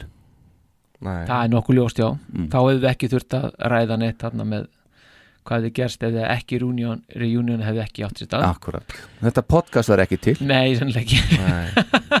Ekki þeirri minn sem það er miskosti Núna Þa, það þurfti þessa fjóra til þess að búa til þetta Já, Bernhard Kasket Ekki bara Efu, Pól og Nei, það er Bernard Casket og svo það Passion Já, já, já. Party Casket Mandi Akkurat, þetta komur inn á ættbókina Já, það, það er Amma Stanley Mhm. Hún er fætt sem sagt 4. júni 1902 og deyr 1950 þannig að hún Mhm. og náði, náði gamla ekki alveg n- nei, hún, nei, hún er ekki sko. Og svo hún er gift honum Erik Jontoff Hutta en hann er 1923 og þetta, þetta eru foreldrar Efu Minnu Henderine Jonhoff Hutta sem er sem sagt e, Móðir móðir Paul Stanley Mhm. og það stendur sem sagt að hann sé fættur hérna í 50s hann er ekki með það á reynu hvernig hann er fættur og það er unknown hérna, hérna Spás. dánadagur. Nei, já, já, já Já. eðlilega. En gaman að þessu. Og annað sem er gaman að, að mínum mati það er að fylgjast með á internetu uh, internetun aftur. Frítíma okkar manna á Evropa 2-3 núna í sumar þegar til dæmis Tommy byrti mynd, af sig myndir við Brandenborgar liðið í Berlín. Þar sem það var bara hérna uh, nánast sama dag held ég hérna við félagarnir. En á Ítalíu uh, fóru svo þeir báðir Tommy og Paul og keifti sér leðurjakka Já, sem dæmi. er rétt. Já. Og þá í, á Ítalju í Luka þá náðist ákveðið vídjó á honum þar sem að, af Tommy, þar sem hann stendur fyrir utan hótelið þeirra og er að ræða við tvær ungar skvísur sem að augljóslega eru tvíburar, það skiptir ekki máli í sögunni samt og svo einhverja fleiri þarna sem þarna eru. Þetta fer nú allt vel fram og engar Nei. en það er eitt sem vakti sérstaka aðtegli mína og nú ætlum ég að koma með hljóðdæmi ok heyrið þetta hérna. The first one. well, hopefully we can. You can come to another one. Oh, are we up these two? I hope so. But I think this is the last tour, so No. we'll see. But uh, anyways. I think this is the last tour Já, so, but we'll see Já, reyna að vera eitthvað dipló þarna Já, já hey, Come on maður Þannig mm. eru þær stelpunnar Já, það er ekki Já, svo slæmar. þetta nú ok Þannig Gaman að þessu. Já, þetta var mjög svona, já. Æ, mér finnst það bara skemmtilegt að því, því ég horfði á þetta fyrst og bara I think this is the last tour, come on. Segðu það bara. Já. Herðu, var nú ekki að draga aftur hérna vagnin á, á, á, á, af stað eftir annan desember. Anskotin hafið. Það. þá myndið þið nú missa sko alla, hérna, Respekt, Já. all, alla virðingu. Everything sko. Já, Herðu, ok, sko uh, Áður en við förum hérna í smá uh, lokahotn Já, já, Áður en við förum í setni hluta þáttarins Þá ætla ég bara að rétta minn ykkur á það að það eru sem sé 35 ár síðan Kiss spilu í reyðhullinni í Víðardal núna í ágúst.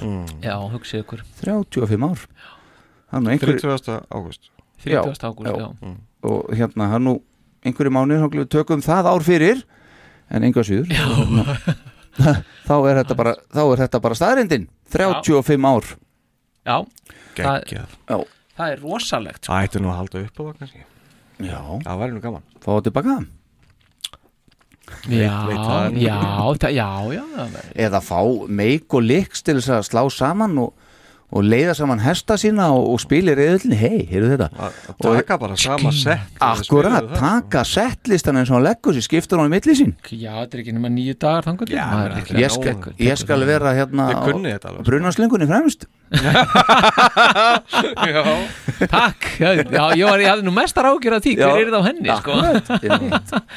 Og myndið þá bleita þarna í gólfinu. Já, hvað, já. er- hvað ætli myndu margi koma á svona tónleika? Það er svona 50-60 mann Já. Allavega þannig að þú er svona, já. Ég get bara verið með Já, garslöngu þú bara ert ekki, þú ert ekki kraftmikla Bara rétt sko. Nei, Óðara nei, bara, já. Ég er bara svona Flösku.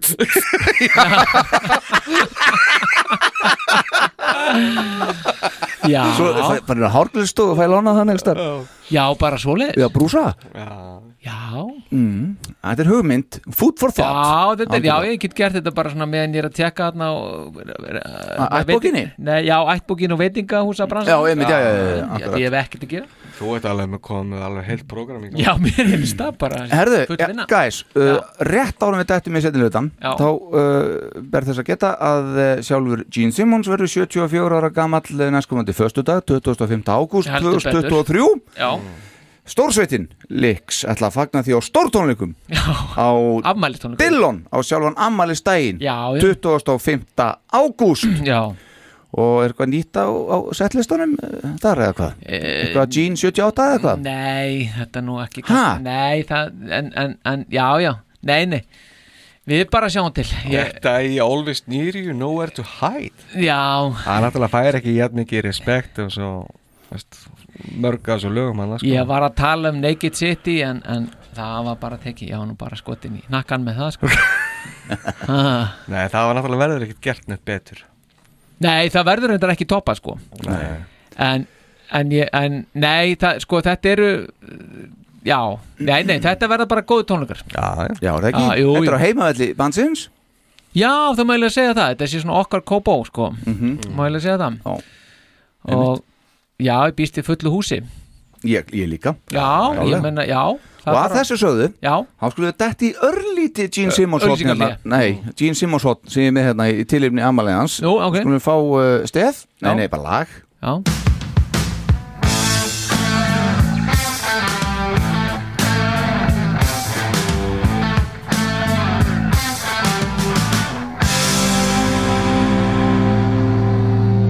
Ég tók sér saman hérna nokkra svona sérstaka Gene Simmons punkta Nú, ok. Ég ætla aðeins að fá að heyra ykkar álita af uh, þessum uh, mýmum sem að, memes sem eru á, gangi á netinu af Gene hann á gulabílnum hann að litla.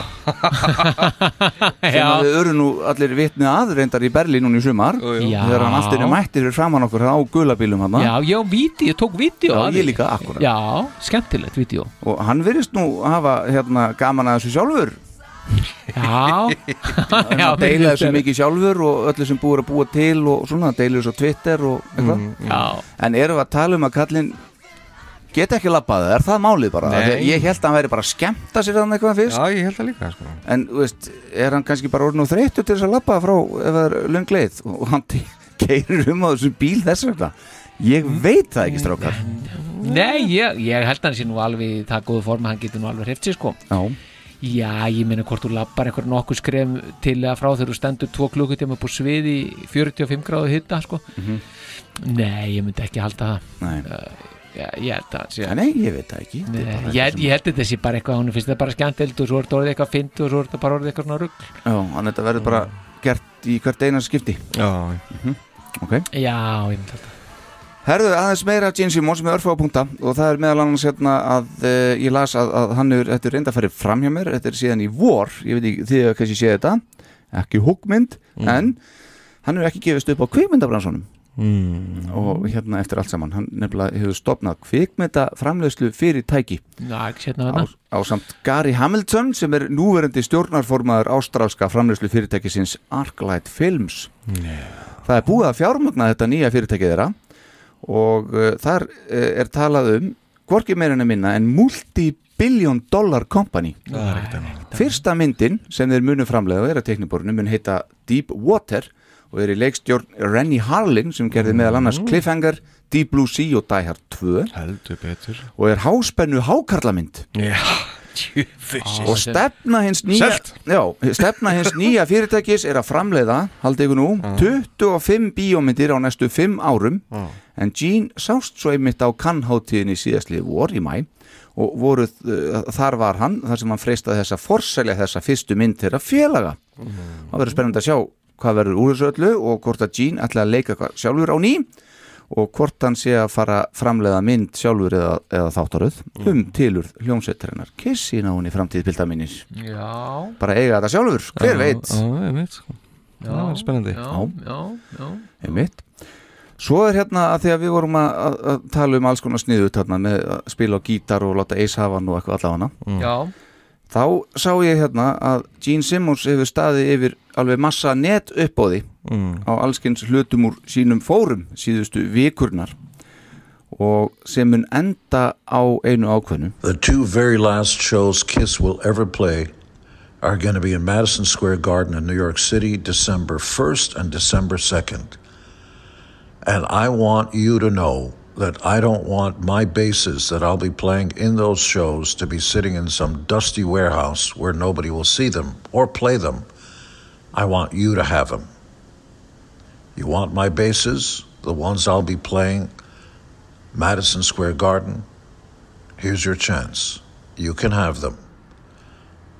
Love them, show them to your friends, make it a part of your family. There's nothing better for me. Why GeneSimmonsAuctions.com? Well, collectors and all kinds of auction houses have contacted me about getting a hold of my bases on the very last shows. And actually, I prefer you have them, hold them, and love my bases, period. I prefer my bases become a part of your home. That's why. And actually, to be quite honest, I'm looking forward to meeting you after you've bought the very last bases I will ever play live with Kiss. And that's going to happen December 3rd in New York City. To get all the details, GeneSimmonsAuctions.com. með þetta? Já, já. Ha, Það, það er semst ekki neitt spesverð, þú verður bara bjóða. Uppáð, já, Já, einmitt akkurat. Jæsi Þetta verður en eitthvað. þetta, þannig er að gera þetta góðmennskunni saman. Já, já, Svo ég vil að þetta verði partur af þinni fjölskyld Siti ekki bara í einhverju myrkru herbyggi Já. og safnir í bara, pappi, ég er svangur og getur ekki Nei, herðu, sérðu ekki að við erum með bassan hérna? Já. Vilt að hann safni Riki heima á þá? Við erum ein stór fjölskylda hér. Nei, þetta er, þetta er, þetta er ekki alveg kannski góðmennskan ein hjá honum. Hann er kannski að kassa aðeins inn líka í leiðinni. Já, já, hann náttúrulega áenga peningar sko. Og talandu það, þá er að síðasti punkturinn. Það er, sáuðu viðtalið þegar hann var hjá Pírs Morgan? Já, Byrjun júlí, núna 2023 Stór skemmtilegt viðtal það sem þeir töluðu saman í cirka 45 mínútur. Mm. Og ég ætla bara að fara rætt yfir hvað er töluðum um, svona laust. Mm. hann, sem sagt, mér finnst þetta skemmtilegt í upphæði og spyr morganan hvað hann, eh, hvað hann gerir sem söngvari þegar hann er á tónleikaferðalagi og fær kvef. Og Gene svarar að hann líti ekki á sig sem söngvara. Þeir séu ekki að flytja óperu og ætli sér ekki að koma fram í hæfileika þáttum eins og X-Factor, þeir séu bara rockband Já, svo lætur hann fylgja, já, finnst það líka. Já. svo lætur hann fylgja sko að hérna ég sem bara lög sem ég veit að er á mínu rattsviði, en ég get alltaf sungið Pól klikkaði á þessu? Já, aðeins. En uh, hann talar auðvitað um hversu vel hann lítur út og hann er þakkláttur fyrir síðastlu 50 ár. Hann segir að upphaflega hugmyndin hafi verið að búa til bítlan á styrum við höfum oft heyrt þetta áður. Já. band þar sem allir fá að syngja og allir eru stjörnur ekki eins og til dæmis Stones þar sem bara einn með mikrofónu og hinn er stand á bakvið þeir tala mikið um mömmans og útrýmingabúðuna sem uh, hún var í Ungverjalandi þaðan sem hún komst lífs frá. Og þegar að amma hans og langama voru settar saman í gasklefan og mamma hans horfði upp á það hvernig móður hans fór að því á snjallan hátt að lifa þetta allt af sjálf sem er alveg uh, átakalega áhör Jean kemst mér þess aðeins við þegar hann ræðir líf móður sinnar og hvað hún hefur gert fyrir hann Þá ræða þeir einnig æsku í heilsinni á mjög einlegan hátt líka og flótta þeirra til bandarækjana og svo hans fyrstu minningar þar og þegar hann til dæmis sá sjónvarp í fyrsta skipti. Hann fer yfir söguna frægu þegar hann, þá 13-14 ára, sá The Beatles í sjónvarpinu í bandarækjunum fyrst skipti og hann svo í kjölfarið þóttist vera frá Englandi fyrst eftir það til þess að heilla stelpunnar, hún var svo cool. Uh, Piers Morgan spyr hann svo hvað mamman sagði sagt þegar að Kiss voru orðnir risastórband og Gene færði henni ávísun upp á miljón dollara. Gene brosir þá og segir þetta var ekki miljón dollarar. Nú, hversu mikið var þetta, spyr Morgan. Gene verður svona tregu til svara en segir svo loks frá eftir pressu frá Piers Morgan að þetta hefði verið 8 miljónur dollara ávísun sem hann færði móðu sinni, það er miljörður. En svar mömmu hans var gott Hver borgar þér þessa peninga? Hvert mætir þú í vinnu eiginlega? Hvenar er vinnutíniðin? En þetta er flott hjá þér. Og hvað ætlar svo að fara að gera núna? eins og þetta væri bara búið. Eh, Þeir ræða börnin hans, Sofí og Nick og hvernig hann hefur ávalt að eigin sögnarna passa að þau fá ekki bara allt, alla endalösa peningar upp í henduna á þess að gera nýtt þau verða að hafa fyrir hlutunum. Uppeldið hann í gangi. Uh, Morgan spyr hann svo hvort hann fíli betur að vera á sviðinu eða stunda kynlíf og hverju svarar hann? á sviðinu því þá fer hann líka borgað. Já. Þeir ræða þá feril Kiss auðvitað og enda þó road tour uh, auk samband hans við Paul Stanley sem að lítur á sem bróður. Og við veitum þetta. Auðvitað er svo farið yfir sölu og markasmálin á Kiss maskinunni þar sem að Gene er sennilega sölu og markastjórin uh, Morgan spyr hann hversu mikið svo Kiss hafi skilað honum í heildina í peningum en Gene vill ekki segja frá því. Nei. og verður eiginlega smá vandralegur uh, Morgan segist hafa heyrt að það væru um 400 miljónir dólarar 53 miljardar íslenskar króna. Gene, bró, Gene brosir þá bara og einhvern veginn bablar sig út úr þessu með sögu af því þegar hann spýtti út úr sér tyggjói og einhver tók það upp og seldi daginn eftir á eBay fyrir 250 dólara eða 33 miljónir og hann svona byður um að setja bara sjálfan sig í samingi við það Ég held að sé það nú aðeins smá íkjur það- Já, örgulega En hann reyndar að segja, þú getur gert það, hann reyndar að segja í viðtalinu Googlaðu bara Gene Simmons gum Þá færði þetta allt upp. En ok, þú gerir þá meðan ég klára þetta. Shannon Tweet Simmons, eiginkon hans, mæti svo í settið og þau ræða sambandið og þegar þau hittust í partí á Playboy-setrinu fræga. Hann var ömurlegur kærasti en frábær eiginmaður. Það tók hann 28 ára fullonast en ég beið eftir því að það myndi gerast. Og Gene verður afara vandræðalegur og reynir svona einhvern veginn að reyna að stýra þessum umræðum sjálfum sjálfur. Uh, þau ræða svo öll samböndin uh, sem Gene átti eins og við Cher og Diane Ross á sem fleiru til. Og þegar Gene er svo loks spurður að því strákar hvað hann hafi lært á öllu þessum árum sem hann hefur lifað þá er svarið gott. Að ég er kannski ekkert svo slæmur eftir allt. Mm. Og hægt er að horfa þetta viðtalið auðvitað í fullri lengd á YouTube. Búin að finna þetta? Já, já, já, þetta er 245.602 dólarar Já, hann sagði í Er þetta hægt? Þetta er staðrind Ég hef alveg verið til að vera þessi guður Já, Svona náði ég þetta? Sem, sem, allt svo sem seldi tyggjuðu þá. Mhm. Ekki sá sem það. Alls ekki. Ég hef nú bara farið út í búð og keft um PK sko. Já, Herðu. sennilega sko Er þetta ekki komið? Viljið ykkur við þetta bæta? uh, Þetta var geggjað bara. Skemmtilega upprifun. Já, aðeins að svona dreipa því sem búið að vera í gangi. Mm. Já, ég, ég ætla að segja eitthvað ég, það- en sá punktur er löngu farin og ég er búin að gleyma því sem ég ætla að segja. Mhm. Þannig að, já, nei, er þetta ekki bara fínt? mm Mm. Ha, Ef við þá að taka síðasta nikkin Já, síðasta nikkin Já, þá ætla ég að byrja á því að spila hér innslag. Já sem ég tók saman svona pínu stemmingið líka. Þetta eru hlustendur okkar sem að senda okkur inn þetta. Já, Svo skulum við taka tónleika sögur uh, okkar frá Berlín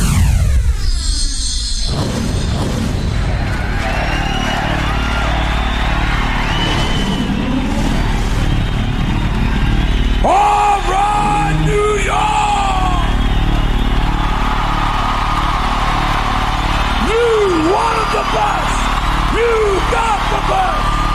The hottest band in the world!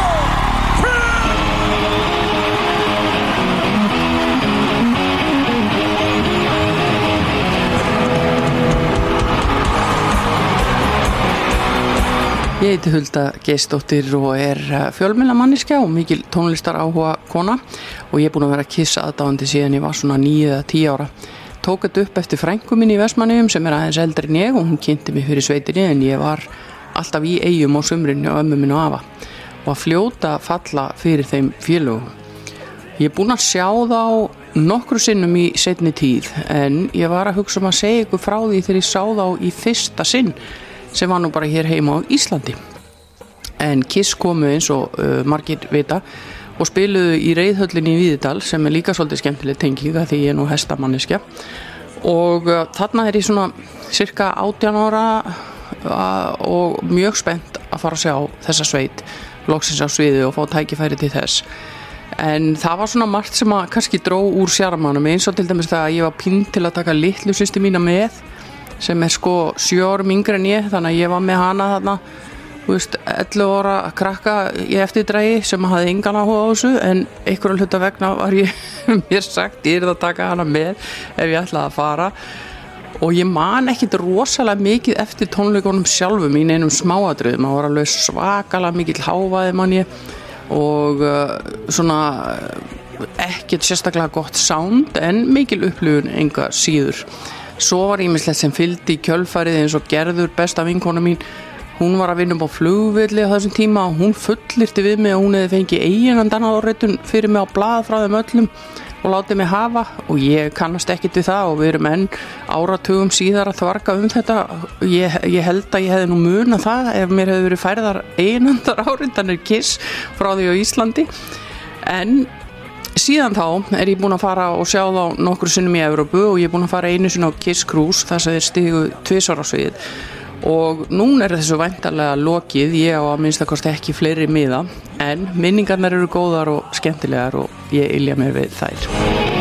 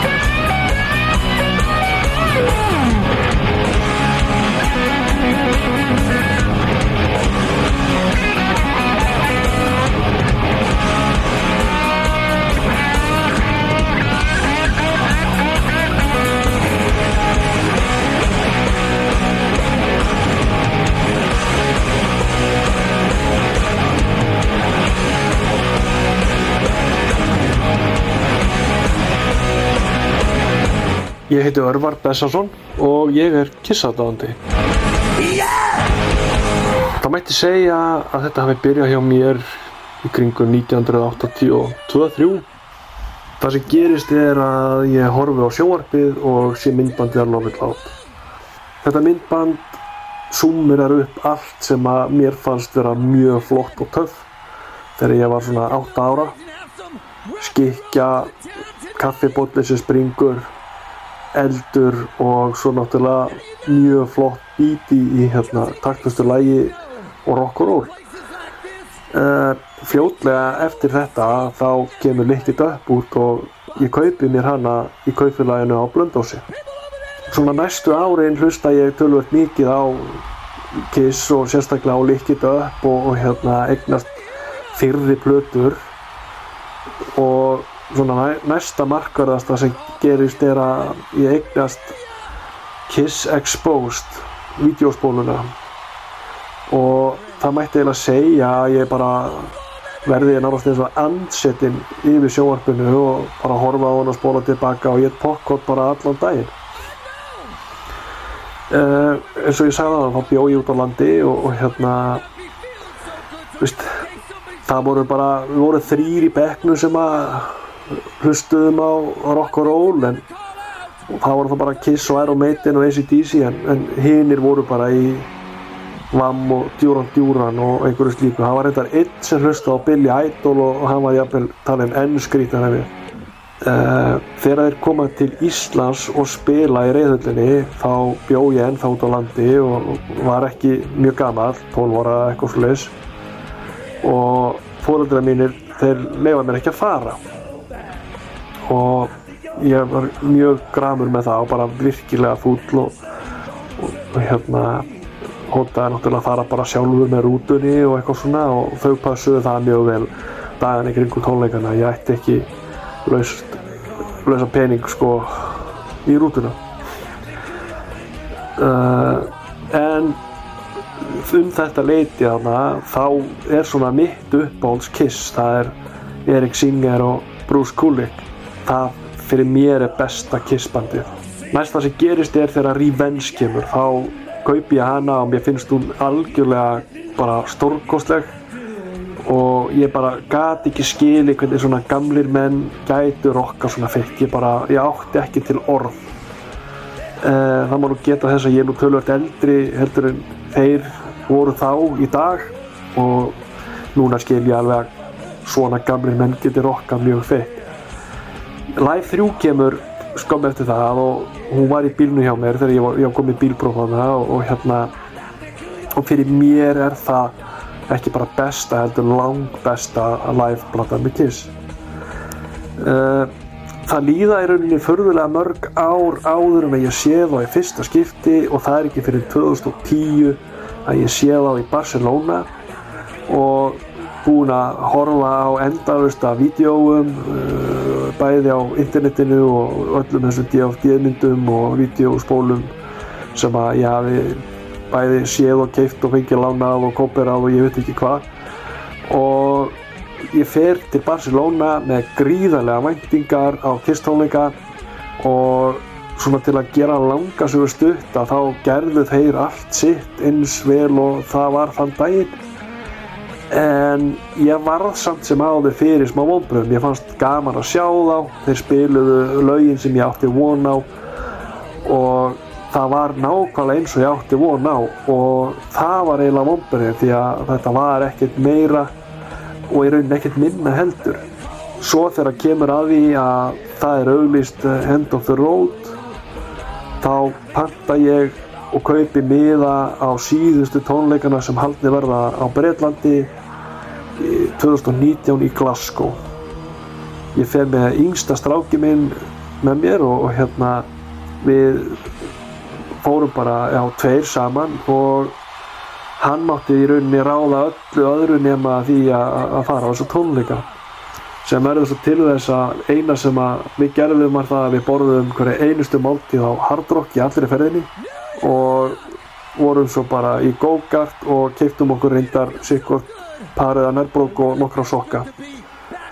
Uh, það má segja að þessi tónleikar hafi verið allt sem að ég var að vona að þeir myndu vera og miklu meira. Þeir voru algjörlega frábærir.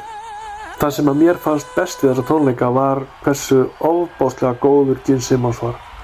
Hann stækkaði öll lögin bæði með söng og bassaleik og var í feikna stuði það mætti eiginlega segja að hann bætti upp fyrir hvað heimir meðlimirnir voru búinir að missa. Ég get hvart mína gömlu vini í Kiss sem að hafa verið svo sannarlega soundtrack lífsmýðis með bara bros á vör og, og hlýju í hjarta eftir að hafa séð á hana 2019 í Glasgow. Þeir stóðu sér svo hetjur og bara ég held með Kiss og menn alltaf halda með Kiss Kiss Army Iceland podcast er frábært framtak hjá ykkur. Ég get ekki sagt ég sé alltaf sammála öllu sem þið segið og sérstaklega þegar verið er að dæma lög og plötur þá náttúrulega er það smekksatriði. En það sem mér finnst skemmtilegast að öllu við að hlusta á hvort sem að þessi podcast hjá ykkur eða einhverjum öðrum sem eru að fjallum Kiss er hversu óbáslega fjölbreytt bara flóran er í því hvað fólki finnst og þá sérstaklega varðandi bara gæði laga, gæði söngvara, gæði hljóðfaraleikara og í rauninni hvað það skiptir ekki nokkur einasta máli hvað fólk segir Ég á einfallega mitt kiss og þú átt þitt kiss. Þó að það sé sami hlutur, þá er það ekki sami hlutur. Takk fyrir mig, þið eru frábærir og lengi lifi hljómsveitin Kiss.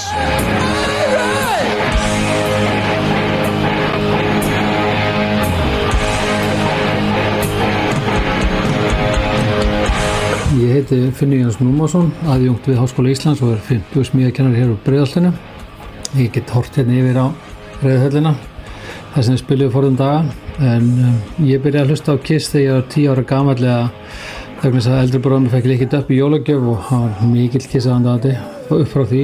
Herbyggja okkar var alveg betri ekki að Kiss-plakutum og var í svo eini sem að mátti setja kennartökju á þau og, og ræða þeim upp á vegginu í réttur röð eða hvernig ætti að líta út sem að ætti að líta hans sem best út en við það að skoða þetta mikið og hlusta á þetta þá var hérna, minn maður í bandinu alltaf Pítur hann var kveikin að því að ég mig langa að spila trómur og notaði alltaf viðar uh, slefar og, og chopsticks sem, sem kjöða og barði í sofasetti heima en það var nú bara þegar fóröldarna mínu voru ekki heima.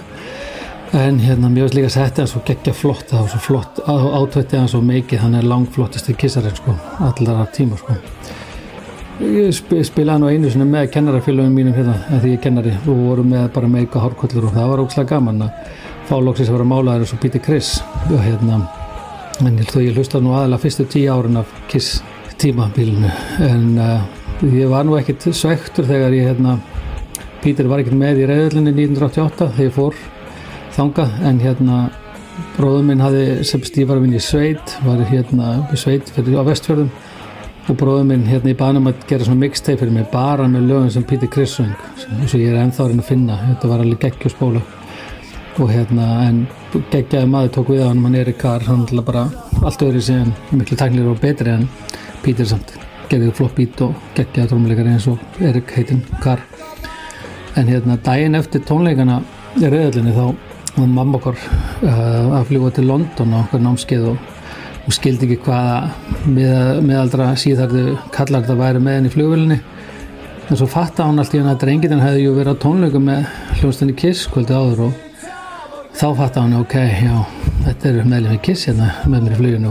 En því miður bá hún ekki með einhverjar árun fyrir, fyrir okkur bræðinar og verðum við mjög svektir að fá það ekki. En það var einnig mjög áhrif, áhrifaríkast að hitta brús á spottum árið hann hann hérna, ég vissi ekki að vera hægt að fá svona mítið grín með hann, hann, hann var svo æðislegur og hann var bara eins og maður sá hann í vídeospólunni á Exposed sem að, maður horfði á sem búlingur hann er bara svona hreitn og beitt góður og geggjaður gítarleikar og því miður var ekki blásverið þannig snilling í bandinu áfram en, en í, í fyrra, fyrra árið síðan þá fór ég með Jóbróður og, hérna, við ákvæmum að fara á, á sjá Kiss Omega í Amsterdam.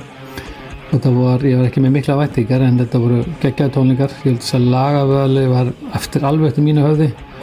Uh, mér bara bróðum mig hvart eftir því að var ekkert lélitt lag til að geta skröpa á klósti til þess að tæma blöruna en þetta var bara virkilega flottu playlistu og allt sjóu alltaf þannig að það var eitthvað virkilega gaman að hitta alla úr Kiss Army Æsland og podcast-sendlíkana þeir eru nú frekar skemmtilegur og hérna gerði ferðina bara svo virkilega skemmtilega að hitta allt þetta fólk sem var á sama sama leveli.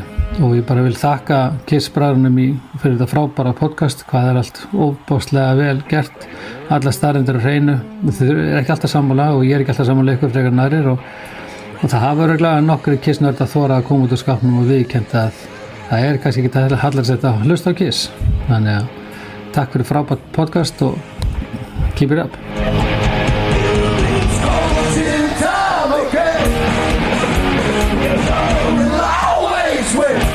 Óli Pálmi heiti ég.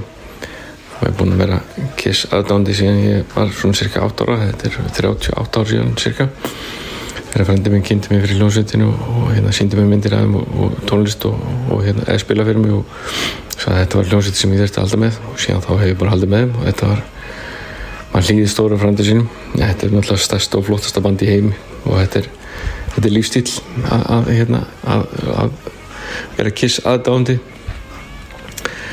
spyrja bara konar mína. En hérna fyrsta og eina skipti sem ég fær að tónleika með var í, í, í Gautaborg 99, 4. mars og þá fórum við tveir félagar hérna á, á tónleika með ég var hérna í námi á þessum tíma í Svíþjóð og hann líka og við fórum hérna á tónleikana og við vorum á pub hérna, fyrir tónleikana og vorum að spjalla saman og hérna ég var að lýsa þessu fyrir honum og veistu hvað ég var gríðarlega spennt fyrir þessu að, að hérna hlaka svo til og ég var að vonast þess að sjá það og opna tónleikana á Detroit Rock City. Og hérna hann, þá hann fara á netið þarna aðeins á undan. Þeir, þeir voru búin að spila í Stokkólmi annan og þriðumars hann dagan undan. Og þá byrjuði þeir á Psycho Circus. Og þarna var, þetta var náttúrulega Psycho Circus túrin og hann, veist, þeir myndu örgulega bara byrja á Psycho Circus þarna þetta kvöld. Og þetta, þetta fjall svona pínur saman hjá mér að hérna, þarna voru komnir Gene og Paul Ace og Peter í make-up, í búningunum, í öllu saman og, veist, og þeir varu ekki að fara að taka Detroit Rock City veist, þetta var svona pínusvekkelsi að, að taka Psycho Circus. Það var ekki alveg uppáldið mitt en hérna. En svo þegar hérna kynirinn kemur og all right Gothenburg og allt þetta og, og svo byrja Detroit Rock City. Þetta var geðvögt til að tjaldi fellur og allt saman og, og úst, alla sprengingarna og flugöldarnir og, og eldurinn og allt ótið þetta var, þetta var geðvögt þetta var, þetta var raðfullnæng og þetta úst, að sjá það þarna alla saman að úst, sjá Pól fljúa út í áhrendaskaran og taka lag þar og Gene upp í rjáfur og spúa eldi og blóði og sjá Ace taka shock me. Það, veist, það var, þetta var klikkun þetta var svo gaman, þetta var geðvikt. Daginn eftir átti, átti ég að vera á hérna, kynningu í skólanum og það sem við, við vorum þrýr félagarnir áttum að kynna verkefni og hafa skildumæting og hérna ég var búin að segja að ég var að fara tónleikan og þeir voru, húst, þeir voru í, í svona pínu sjokki sko að ég, ég geti ekki verið með þeim og hérna, og hva, hvað ég ætla að gera því? Ég myndi öruglega falla. Það var skildumæting sko. Og hérna ég sagði maður hérna segið bara ég hafi verið á kistónleikum ég vissi að kennarinn hann var, hann var mikill kiss aðdándi og hérna þeir eru bara að kynna verkefni og, þá, og, og, og all þrjú nöfnin koma hann upp. En ég ekki með.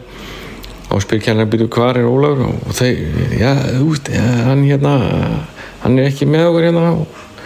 Og hvað er hann? Já, hann, hann var hérna í, í Gautaborg á kistónleikum í gerkvældi já ok, hann er afsakaður. Þannig ég slapp hérna fyrir hótt og setjum mér þá, þá verður þessi hérna, þessi sami kennar, hann verður hérna leiðbeinandi minn í lokaverkefninu. Og við vorum að, og flesti fundirni sem við áttum í samtöku lokaverkefni fjöldlu um kiss og ímislegt hérna, tengt því. Og ég fekk alveg fullt af, af bútlegg gesildiskum hjá honum sem ég afritaði og, og, og á hérna hjá mér ennþá. En hérna en það sem að hérna vildi bara líka þakka fyrir hérna Kiss Army Iceland podcasti. Þetta er, þetta er frábært gaman að hlusta á okkur og kona mín hún hún, hún er búin að skella upp úr nokkur sinnum hérna, að, að horfa á mig skella upp úr að, og ég, hérna, ég er búin að fá flugfreyr koma, koma til mér og spyrja mig sko, veist, í, í miði flugi bara býtu, er allt í lægi þá er ég er að grenja og hlátri af ykkur. Þetta er æðislegt, þetta er ja, mikill fróðuleikur hjá okkur sem að, við erum að spjalla um þessa bestu og stærstu, flottustu hljómsviti í heimi. Ég vildi bara þakka kærlega fyrir mig, þeir eru frábæri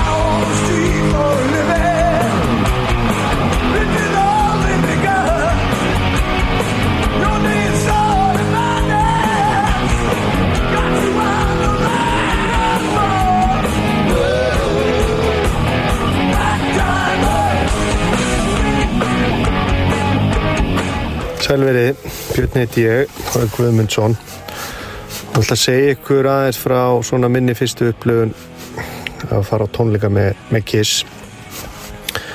Eh, það var árið 2008 sem við félagarnir hérna ákvaðum að fara á Kiss. Vorum meðal búin að gefa upp vonunum að við myndum nokkuð tíman sjá þá.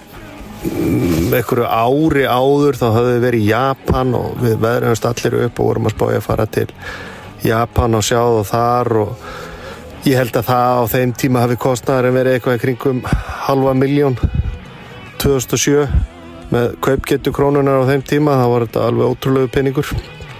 Það var ekkert úr því en, en svo kemur í ljós að þeir eru að fara að spila í Kaupmannahöfn 2008 og tónleikanum voru haldir í fórum í Kaupmannahöfn og þetta var ágættis hópur af vinnum sem voru að fara úr árbænum uppalega vorum við bara tveir en svo endur við á því að vera fimm eða sex og bara frábær ferð. Það var alltaf gaman þegar vorum að, að fljúa út ég og Þorbjörn vinnu minn. Þá komst maður að því að maður var ekki einn í þessu því að á þessum tíma var veginn, var ekki kiss samfélagi jafn stórt eða jafn svona sýnilegt allan að gagvart okkur getur vel verið að vera eitthvað annar staðar og verið í vélinu og hitta fólk sem var að fara á tónleikana var ofbúslega skemmtilegt, hitti til dæmis eitt samstarfsfélag var að finna í kaupþingi á þessum tíma og þeim dýrað, dýraða stað. Og það er allt innu hitt í einn samstarfsfélag sem var á leiðin á tónleikana líka og það áttu ykkur á því að vorum báðir miklu kissaðdáðandur sem var aðeinslegt en við komum svo til Kaupanahafnar og, og, og bara förum út um kvöldi eins og lög gera ráð fyrir en hún er bara bísna rólir, tónleikadaginn eftir ekki drugl, allir að vera upp á sitt besta förum samt út að borða og förum svo á striki tillum okkur þar, fáum okkur bjór. Og þegar við sittum á strikinu út um kvöld og ég man ekki hvaða dagur þetta var en það var allan að þannig að það, það var ekki mikið af fólki í gangi.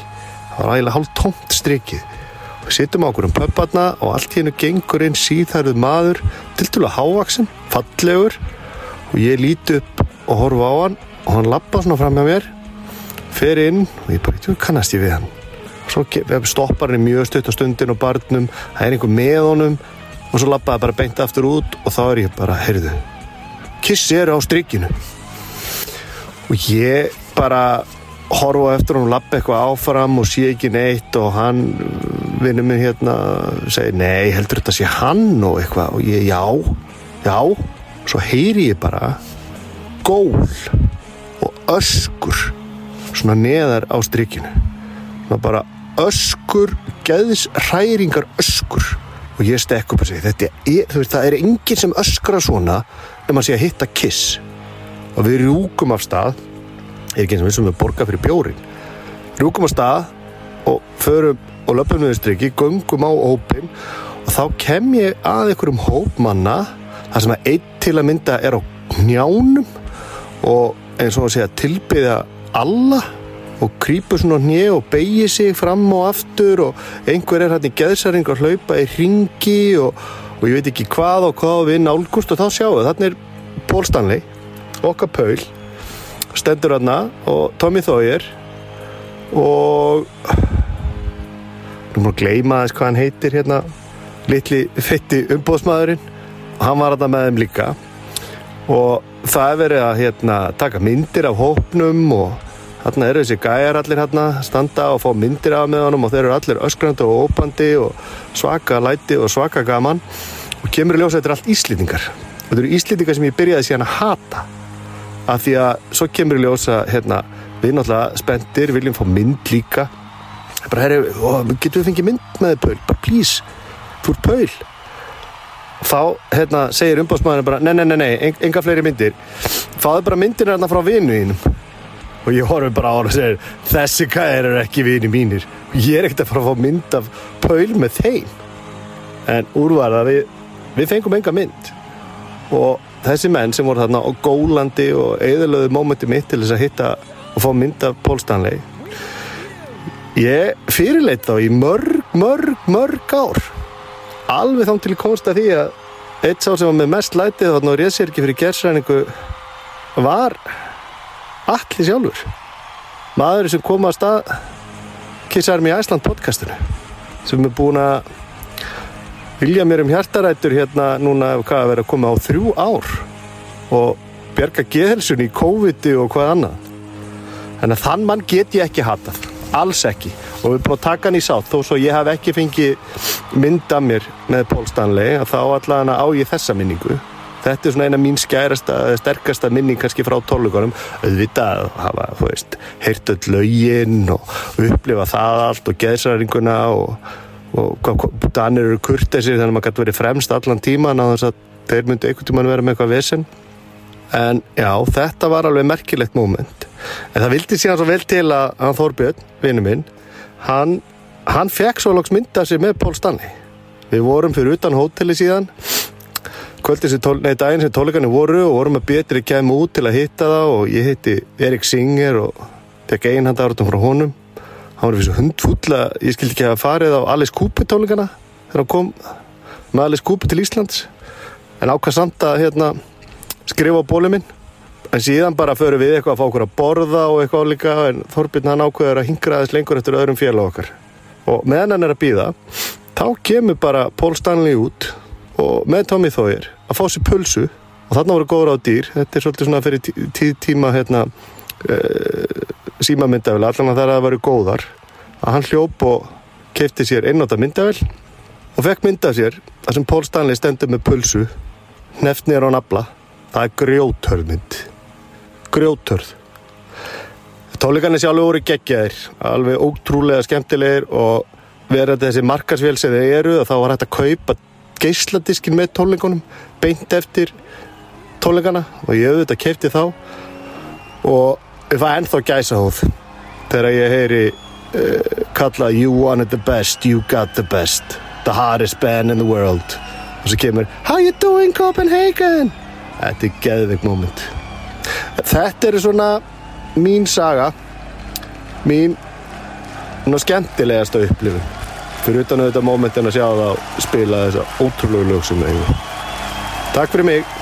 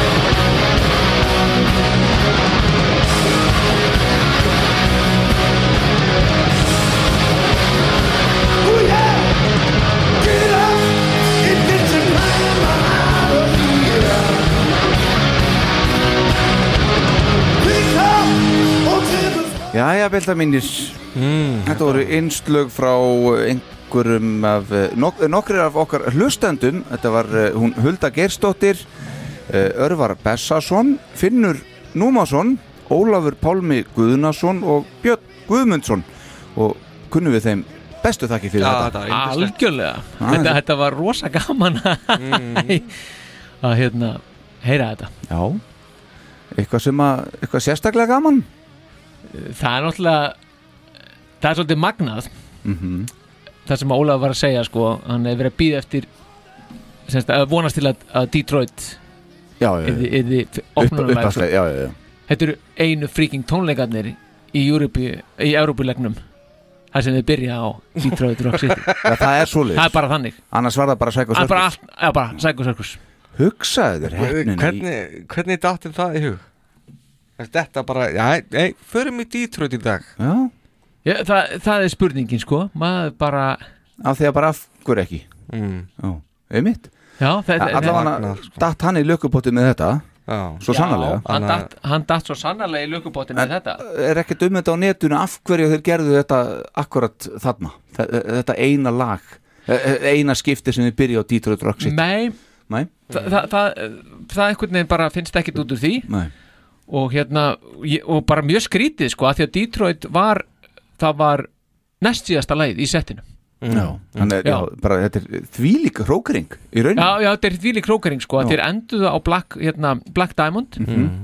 og já, og Detroit var hérna næsta lag á undan og ég man bara að því ég var nú í Bersi höllinni hérna stuttu setna Mhm.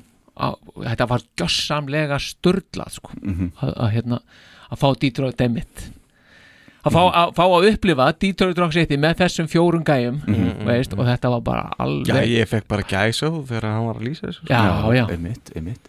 Svo líka gaman að hérna, uh, hérna kennarinn hans var svo kissari og hann fekk að slæta hann í Já. gegn Já, maður Ha, Það er gott að hafa alltaf hauka í hotni Já, hann er menn að hugsa um sína sko. Já, já, já. Að standa saman sko Ef þetta hefði, sko, eitthvað annað band ég er ekki viss.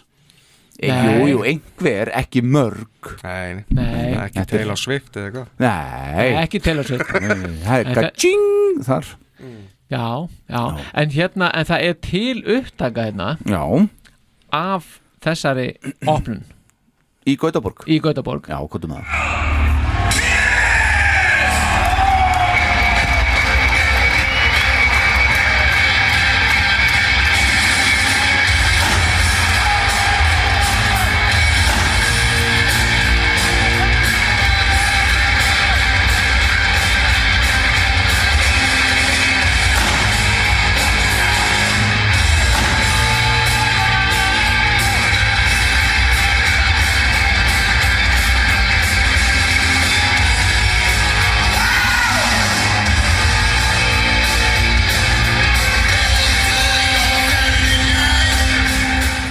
Mjög gott. Þarna var Ólafur Pálmi Já. að missa sig. Hann er gjössanlega að missa sig þarna. Þetta er eitthvað stað Svo var hérna Hulda Geirsdóttir Hún voru að taka hérna litlu sýsti sína með. Já, hversu glaður hefur maður verið með það? Já, ef þú ert litla sýstirinn Nei, hún hafði engan áhuga á þessu sko. Nei, hún hefur ekki glöð. á, já. Og ég ekki hvað Hvoru þeir sem hafði áhuga á þessu. Já Þetta er bara, já, ef þú ætlar að fara góða minn, þá tekur hann að sýsti þína með þér. Að nákvæmlega. Þetta er svona. Það eru reglum þar Já. Já, maður hefur ekki ekki Það er gott að vera þá yngstur Það En hún talaði um að það getur verið sérstætt sound og eitthvað svona. Nei, það er það sem hefur heyrt. Þekktur orðið svo, svo sem. Já, já. já, já. Mhm. Örvar Bessason, hann var fyrir vombriðum í Barcelona. Já, ég tengdi hérna bara svona kannski pínu við það þú veist, að það er svo rosalega miklar væntingar. Við erum fyrsta. Já, við fyrsta Reyndar stóðst það allt hjá mér hérna á, á Í- þeim í tólugur sem ég fór. Já, já, já, Hversu margir íslendingar fóru eiginlega þangað? já, ég mitt Já, Maður finnst það bara Maður finnst það bara séu bara Einmitt bara hundra manns að Ég og fósiti lið við lið. Já, Nei, þetta er samt, það er samt sko, ég man eftir þessa stórkostu tónleiki í Bersi Mhm. það var samt einhver svona það var eitthvað það var einhver tókstrita Mhm. Veist, að þetta var geggjað. Veitu, varst þú líka hana á sömum tónleikum með það? eh, 99 sko, þegar þú bara rétt nýfættur sko. Í Bersi Já, já, já. Bersi 99 Já, já. Paris. Hvað, hvað? Paris. Paris, já. 99 var í tvítugur. Já, ok, þú varst, þú varst fættur þá. En hérna uh, Nei, ég var ekki í fórum 2008 sko. Nei, ég er ekki að meina Nei, það nei, nei. En, en ég, ég tengdi, tengdi aðeins við það sem hann sagði. Svona tómleika tilfinning einhver. Ég Mhm. veit ekki hvernig maður útskýrir þetta sko Mhm. Rosalega væntingar Mhm.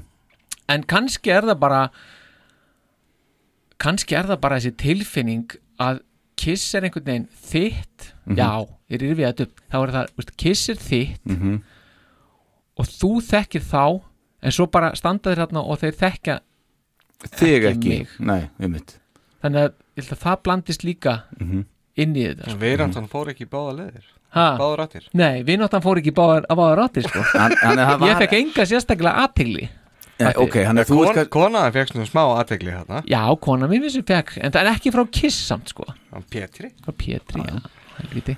Já, en, það, en ég veit ekki Guð blessi rósina. Guð blessi rósina. Já. En nei, ég bara, við fór- fórum að velta fyrir mig veist, þetta getur, þetta litaði aðeins upplifununa hjá mér. Að, að tónleikarnir voru ekki, þeir voru geggjaðir Mhm. en samt voru þeir ekki alveg veist, Mhm. með himinskautum en samt voru þeirra. Eh, Ok, Jesus, en ertu eitthvað neina að segja það líka að kannski hafi ekki allt verið í topp standi innan bandsins og upp á sviði nei. og það spyntast út eða Nei, þetta er bara nei, þín veginn. Já, þetta, þetta er einfallega bara mitt, mitt ríka tilfinningalíf sem Já, þarna já, er já, á verkum. Mm. að- Já, að- komstu bara, komstu í tilfengilegt uppnám hann sko. Ég var, já, ég maður náttúrulega upplifur allan skalan bara, en, en, en, til að styðja þetta, þá segir Örvar svo frá því að hann fór svo síðan meira hann á brellasegjum með drengin sinn og þá upplifur hann eitthvað allt annað. Þá hefur hann væntalega sko ekki verið með neina væntingar. Ég er búin að sjá þetta, ég var fyrir beiluðum ombriðum ég ætla að prófa aftur Já. en þá var þetta æði já, já það, er, það er alveg svo að, sko að því að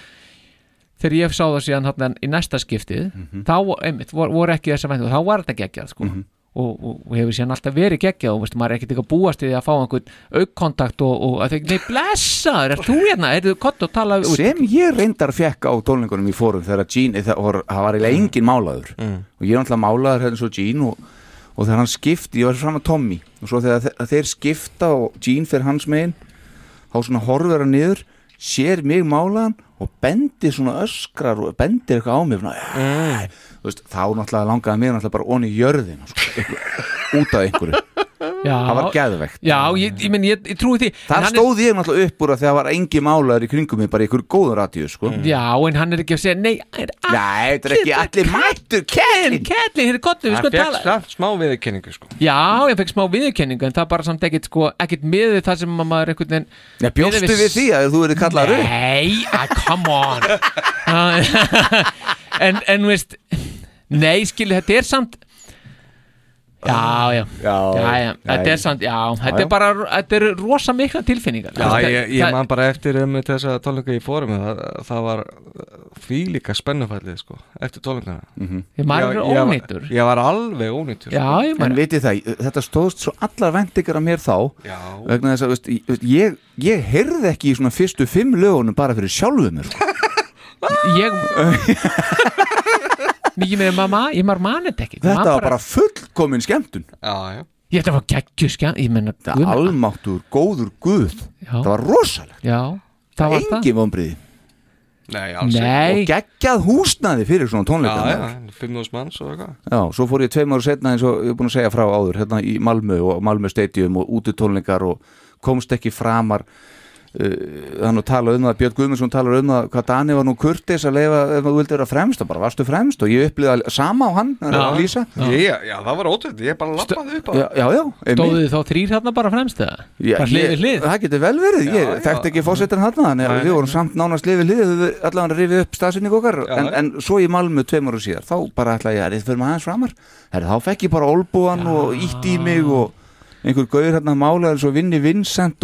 Í hann ætlaði bara að drepa mig bara með augunum og eitthvað svona sko. þannig Þú ferði í röð í Svíþjóð sko. Þetta var bara allt annað. Já, Já, já, hérna er þetta allt í röðu reglu sko. Já, Hérna akkurat. er ég, þú Já. fer bara ekkert lengra. Sko. Akkurat. Nei, nei Finnur Númason, hann talaði um að mamma saði uh, flogið með kiss til London. Jæja Þú veist það- það- sko, Vera í tvo og halvan tíma með kiss bara hann í flugi. Mhm. Bara hvaða menn er Já. Kannast þú eitthvað við þess? Nei, en samt ekki. En jú, já, strákarnir voru í Já, voru á tónleikum Já, Já. Skilur, ég menna, hvað hef ég sagt um mömmu? Ég, ég, hefði, ég hefði grátið í svona mánuð Já, já. En hann hjó eftir því hann talaði um sko mamma hefði séð þarna nokkra miðaldra kalla með sítt hárum en þeir eru allir innan við fertut eða um fertut Já, en, já, já, já Pólinn og 35 Já. Bíðaldra Ég er 44, er ég miðaldra núna? Nei, Nei, ég er að segja það. Er Alls ekki. Snemm, Snemmið aldra Já, Nei, nú, bara 45 ára, það eru verið 45 ára. 44? 44, já, Já, þú það ert er bara ekki 44 neitt, ára. sko. Já, einmitt. Hver nennir allir miðaldra tali? Ekki ég. Shit, sko Akkurat. Og svo er alltaf skemmtileg sagan hann frá hérna Bitni Guðmundsinni þegar að Já, það er alltaf bara alveg legendary sko. Ég, ég skilji hann að hann hefði Ó. aðtað ykkur í marga. Minn, almáttur ég líka hann. Og þá bara fá mynd, fáið bara mynd til vinnum ykkar. Já, bara, Já, Það er bara svo komið opið blæðandi sár og dokk bara hellir salt í það já, já. Algjörlega. Já, Ég meina alveg Smá sítrónu líka sko. Já, ég meina, bara eitthvað, hefur fara að tala bara hann, úst, já. Fáið myndina þeirra veist. Já, af, af, af honum og Pól Já, svo kemur Bjössi heimaður og hvernig var? Bara frábært, þetta með mynd hérna á vekkistofinni á alla og þeim hann með Shit, Æ. ég, ég, ég, maður, ég, þá hefði ég grátið annan mánuð sko. Já, já, en hann, hann, hann hérna samt klúðraði svo sínu tækifærið Já, hérna, reyndar, já. síðar hérna, þú veist, menn, menn eiga standi lappirnar og, og bara býða þetta af sér eins og, eins og vinnur hans gerði. Já, eins og ég og Tráin gerðum í Oslo. Akkurat og tók ykkur heilanga tíma Já, heiljónga tíma já, Já, já, hann er hérna. Það var ekkert planað sko. Nei, Við bara fréttum að þeir væri þarna. Já, já, Við vorum bara að labba og svo bara, herrðu það, er fullt af fólki hérna. Já, Spurðum að hvað, hva, já, kissir hérna inni. Mhm. Fuck it, við verðum hér við verðum þá til þið kom út. Já, Takk. Og við náðum að býða allan tíma og hittum við alla. Hef pælið samt hvað þetta er sko, veist, að þurfa að hlaupa og, og, og kaupa myndavél og eitthvað. Mhm. bara svona meðan þér alltaf hérna eitthvað veist, mm. hvað eru breytt í tíman Já, já. ég mani, ég var að taka mitt í Arni Bersi sko, þá tók ég með mér svona litla 35mm hérna myndavél svona eins og voru alltaf. Mm. maður var að taka einhverja myndir á þetta og, Sem var svona Nei, alveg- flassið ón á Nei, það var ekki alveg Það var Nei, þið vitið ekkert hvað 35mm myndavél er strafur Það er Nei, grinnlega það er eitthvað eldra. Já, það var 110mm Það var það sem við skrúaði Ég átti það líka. En ég fór ekki með hana þangað. en, hérna, en þetta eru svo geggjaða myndir sann, sko. Ég, mér finnst einhvern veginn sagan af myndar við erum á vindnum Svo bara framkallaði Star Power og nokkra myndir úr hlöðunni og svo var hann Já, þetta var, þetta var basically bara þannig veist. Það var bara hundurinn í sveitinni Já. og svo bara næsta hérna, og svo eina á jólunum og svo nokkra kissmyndir veist, þetta var bara þannig. Og og maður framkallaði náttúrulega, já, flestar hreyfaði náttúrulega svo framkallaði með svona tvisara ári. Já, já, það var svolítið, sko. Má búin að sapna sig fyrir því. En það var nefnilega svo frábært samt að ég náði einhver, það voru einhverja tvær geggja flottar samt, sko. Mhm. þannig, að, að ég var gríðalega sáttum með það. Herðu, gott mál, en svo skelltum við okkur hérna til Berlínar og hérna uh, þar var nú, uh, voru við í fríðu föruneti heldur betur. Haukur Pálmason, Akureyringur Haukur Hergersson, Akureyringur. Já. Og það voru við þrýr, það var uh, Jói Kiss. Allavega. Já, Já, við vorum bara það var þessi hópur. Og uh, það voru nú einhverjir fleiri íslendingar hérna á þessum tónlingum í uh, Max Schmeling Smelling, já, það verður vera. Já, já. Jú, jú, ég hitti nokkra þarna fyrir utan Mhm. Allavega. Já, einmitt En uh, venjúið, hvernig fannst ykkur venjúið? Svona, ef við tökum bara, miðum aðeins við bara uh, Sigurd Dóm í, í, í fyrra 2022 mm. mér, mér var þetta bara skemmtilegt sko Mhm. verið þarna Já. ég, þetta var það var alltaf gríðarlega góð stemning þarna Já, alveg gríðarlega sko menn voru ekki komnir þarna til að veist bara í eitthvað tepóð sko Nei, það var alveg ljóst Já, já. Þannig, að, þannig að það var gríðarlega góðar undirtektir og fólk var komið þarna til að virkilega taka þetta inn sko Mhm, og taka þátt mhm. sem að er pluss Og bandi líka tók eftir því sko, og bara respondaði þvílíkt við það líka sko. já, já. Mhm. Þannig að þetta var alveg geggjað sko. En við komum hann á nokkuð snemma og uh, áttum uh, svona VIP miða og fórum á soundcheckið mm. Já uh, Hvernig fannst ykkur svo upplifun? Yes. Voru það, það gert í fyrstskipti eitthvað? Bara eins og ég á soundtek Já, svona, já. þetta soundtek, já við náttúrulega vorum hérna tímann á svona hérna, akústik dæmi Já en jú þetta veist, bara- þetta, uh, veistu, Þessi formúla já, já, já, þetta var í fyrsta skipti Mhm. í, í þessu, ég Mhm. fannst það bara bara ekki eðlilega kúl þessi gaurar hann Gino Paul, Já. jésús minn Já, sko. bara, að bara það var alveg saman hvað ég gerðu sko. Mhm. það er bara Já, uh, sko við fannst þetta frábær upplifun. Og þarna voru kannski 40-50 manns fyrir fram að sviðið. Og, og þetta er bara svo nándin, hún var einhvern veginn einstök, Já. fannst mér. Mér, já, já. Mér fannst einhvern veginn bara þetta, þú, þú varst að fá svo mikið fyrir peningin og, Þetta er ótrúlega lítill peningur með að hvað þú fegst sko. Akkurat. Og bara ótrúlega skrítið með að við kiss. Já. Þetta kosti Já, ekki meira. Já, ég er bara sammála. Alveg hjartanlega er ég sammála. Og þetta er líka bara sko að því að uh, svo fór ég uh, eftir þetta og fór í hérna, myndatökuna meet and greet, þannig ég fekk nú Mhm. loksins myndina mér sem við vantaði nú í safnið. Já, já, akkurat. Hvernig er sagan af því sko? Hvað séru? Hvernig er sagan af því? Já, sko, málið er nefnilega það að, að hérna ekki áður ég hef aldrei tekið þeim mál en eftir á að higgja hins vegar þegar maður er vitur eftir á skiljiði Mm. gerist oft þá myndi ég segja að ég hefði frekar slefti myndinni heldur en soundcheckinu? Mm, ok, já. Mm, mm, mm. en auðvitað, þú veist, jú, vissulega lifir soundcheckið með mér í huganum alla æfið og allt það, en ég á þessa mynd og mér vantaði hana, þetta er svona, svona eitthvað að halda í. Og svona, og eins og segi fyrirfram hefði ég aldrei skipt og ég hef alltaf valið myndir en ég þurfti að velja á milli Mhm. en það sem soundcheckið fylgdi bara með og svona, veist, bara, en þetta var svo mikil upplifun að vera soundcheckið Já. svo voru við fósittir náttúrulega öskrandi hérna á soundcheckinu og kom til Æsland Já, ekki- það? já, Fóruð í já, handbaka? með- með- Já, svona innan, við vorum ekkert óþólandi þú veist, við pössuðum okkur Ekki, ekki alveg svo í París Nei, nei, svo vorum við með Kiss Army Æsland fánan sem hjekk, vorum fremstur þetta og letum þetta hanga svona niður Já. og hérna, og við sáum báðir að Pól sá okkur og hann heyrði okkur en hann svona leiti þetta hjá sér. Hvað er að honum? Ég veit það ekki. En svo eftir þetta, svo ég klári nú sögur hérna þá fór ég í svona ykkur að röð, ég átti að búið að segja okkur sko, þeir sem eru með þennan svona diamond pakkagutt þið mæti svo hér, hjá þessari sjoppu klukkan þetta og hérna þar mynduðu röð fyrir hérna myndatökuna. Og svo kemur að því og ég mæti þar og ég stend þarna og ég sé bara engan þarna sko, sem að mér finnst einhvern veginn vera líklur að vera að býða ykkur, eftir ykkur röð. Mm. já, vissi áttu að opna ykkur dyr hérna við hlýðin á sjoppinni og svona. Hann var einn eitthvað svona líklegur. Ég fer og spyrir hann, ert þú í röðinni fyrir mítið grýta? hann bara, nei, nei, nei, nei, ég bara hann fór barinn hérna, ég bara, fuck ok, og þá fer ég svona að líta þessi kringum og ég sagði, ég er bara ekkert rétt um stað. Nei og ég fer það að byrja að næsta sjoppa þetta er allt einskilið okay?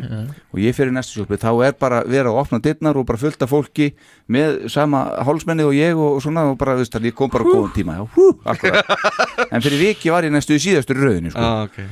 og við förum hérna í röð sem að gekk nú ekkit sérstaklega hratt Mm. og maður er bara leittu bara svo rolla til slátrunar Alveg, sko.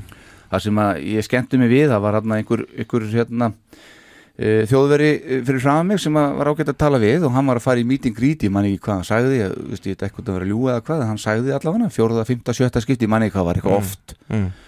og alveg elskar þetta og svona og fyrir aftan mig voru feðgar og ekki dósvipa því sem við byrjum hérna þáttin á hann með reyndar held ég hann ekkert er veikudrengur en, en svona, veist, hann var rosa Mm. spenntur ungu drengur svona tí ára Mm. að fara með pappa sinum að, að hitta kiss og það var, það var svona gaman að upplega það svolítið Mm. Og svo löpuðu þarna og niður eitthvað stiga og eitthvað og, og svo byrjar að sjást eitthvað svona eitthvað skilrúm og mikið lýsing og ég fyrir skinni herri nú er að koma að þessu. Og ég tek upp hérna þegar kemur aðeins nær þá sé ég svona þá á hlið að vera að taka mynd með öðrum. Mm. og hérna og bara ég er að býja eftir að koma mér og ég tek upp síman og ætlaði nú að taka snapp og senda svona eitthvað og frúna og eitthvað. Nei, nei. Herru þá er ég bara Slegið á puttana algjörlega. Bara gaur, niður með síman núna Mm. Veist, ég er pínu svona come on veist ég, ég, veist, ég er búin að borga hérna fyrir að vera hér leifur mér ekki bara taka hérna mynd eða nokkar, skiptar mm. eða máli eða Mm.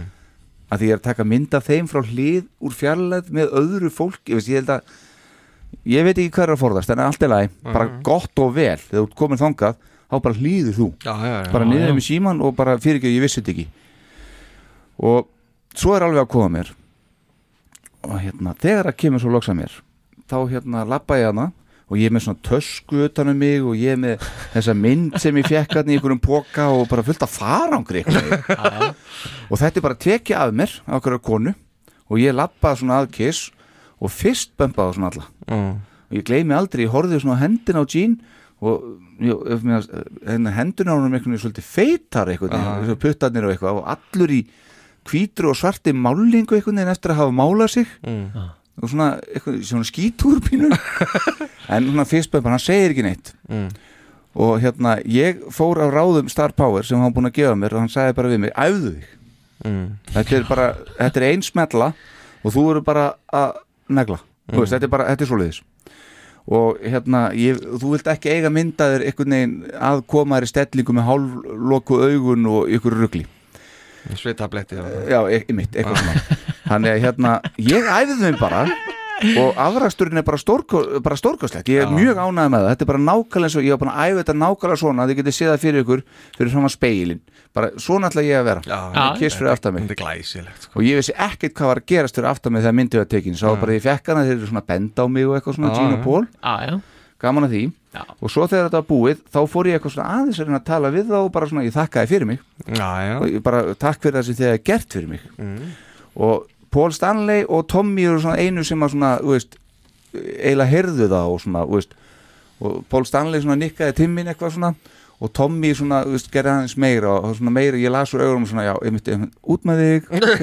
Það er svona pínu Já. þar. Við erum að drífa okkur. Já, en það er umlega máli og svo bara fór ég hérna hinn með við þá og þá bara mætti sama kona mér með allt sem ég átti og bara setti töskuna á mig með þess og, og bara Bara klættur á ný. Já, og ég fer hérna og ég fer upp og ég hugsa bara þetta var geggjað maður. Veist, þá fyrst fer ég átt að með á því herru byttu, ég mani þetta ekki. Nei. Það er bara, þetta var bara blackout. Ég veit það. Já. ég bara, ég bara þetta ekki. Og ég voru búin að segja þetta. Ég sem betur fer á örlittla minningar hann af sko eins og ég segi Jean hann að því ég horfði augun á honum og fyrstbömpaði hann og horfði á honum og eitthvað með eitthvað svo Mm, mm. stórar feitar eitthvað, svo hann er það líka það strákar. Þegar þeir standa hann að því fullum skrúða og þeir eru bara 2 á 20 að hæð í þessum skóm og eitthvað Já, já. þú verður svo lítill í þér almáttu, já já herru, svo fer ég út og ég er svona að reyna að átta með þess á þessu. Ég fer náttúrulega að ringi í konuna mína mm. og hérna segi henni frá bara hversu geðvett þetta hefði verið að mér myndi allavega. Og hérna og fer út fyrir þar sem við vorum alltaf hann á, á útisvæðinu hjá barnum á fyrir tónleikana fyrir, fyrir hérna soundcheckið. Mm. og fæ mér eina rettu þar. Mm. og hérna svo allt í henni heyri ég bara bassan byrja og eins og ég var að segja ykkur á hann ég var með síðustu mönnum í rauðinni Mm. og þeir voru svona snöggir að koma sér úr þessum aðstæðum hann niðri, kallara Mm. og upp á þessa platta sem að hýfur það svo upp og lætur það svo síga þegar þetta byrjar Já, já. það var sko ævintilega snöggt Já. allavega í minningun, ég, ég náðu ekki að klára þessa réttu hendinni frá mér hljóp og ætla að fara niður þá fann ég ekki inngangin Já. til þess að fara þegar við vorum búin að kaupa okkur hérna í Golden Circle ég og bróðum minn, hann alveg fremst. þar sem við vorum á soundcheckinu. Og svo loksist að hérna, sé ég eitthvað starfsmann og hann segir það er hinum einn og ég þá hleyp hinum einn og kemst þar niður loksins og ég gefði sína miðana og til að komast alveg þar.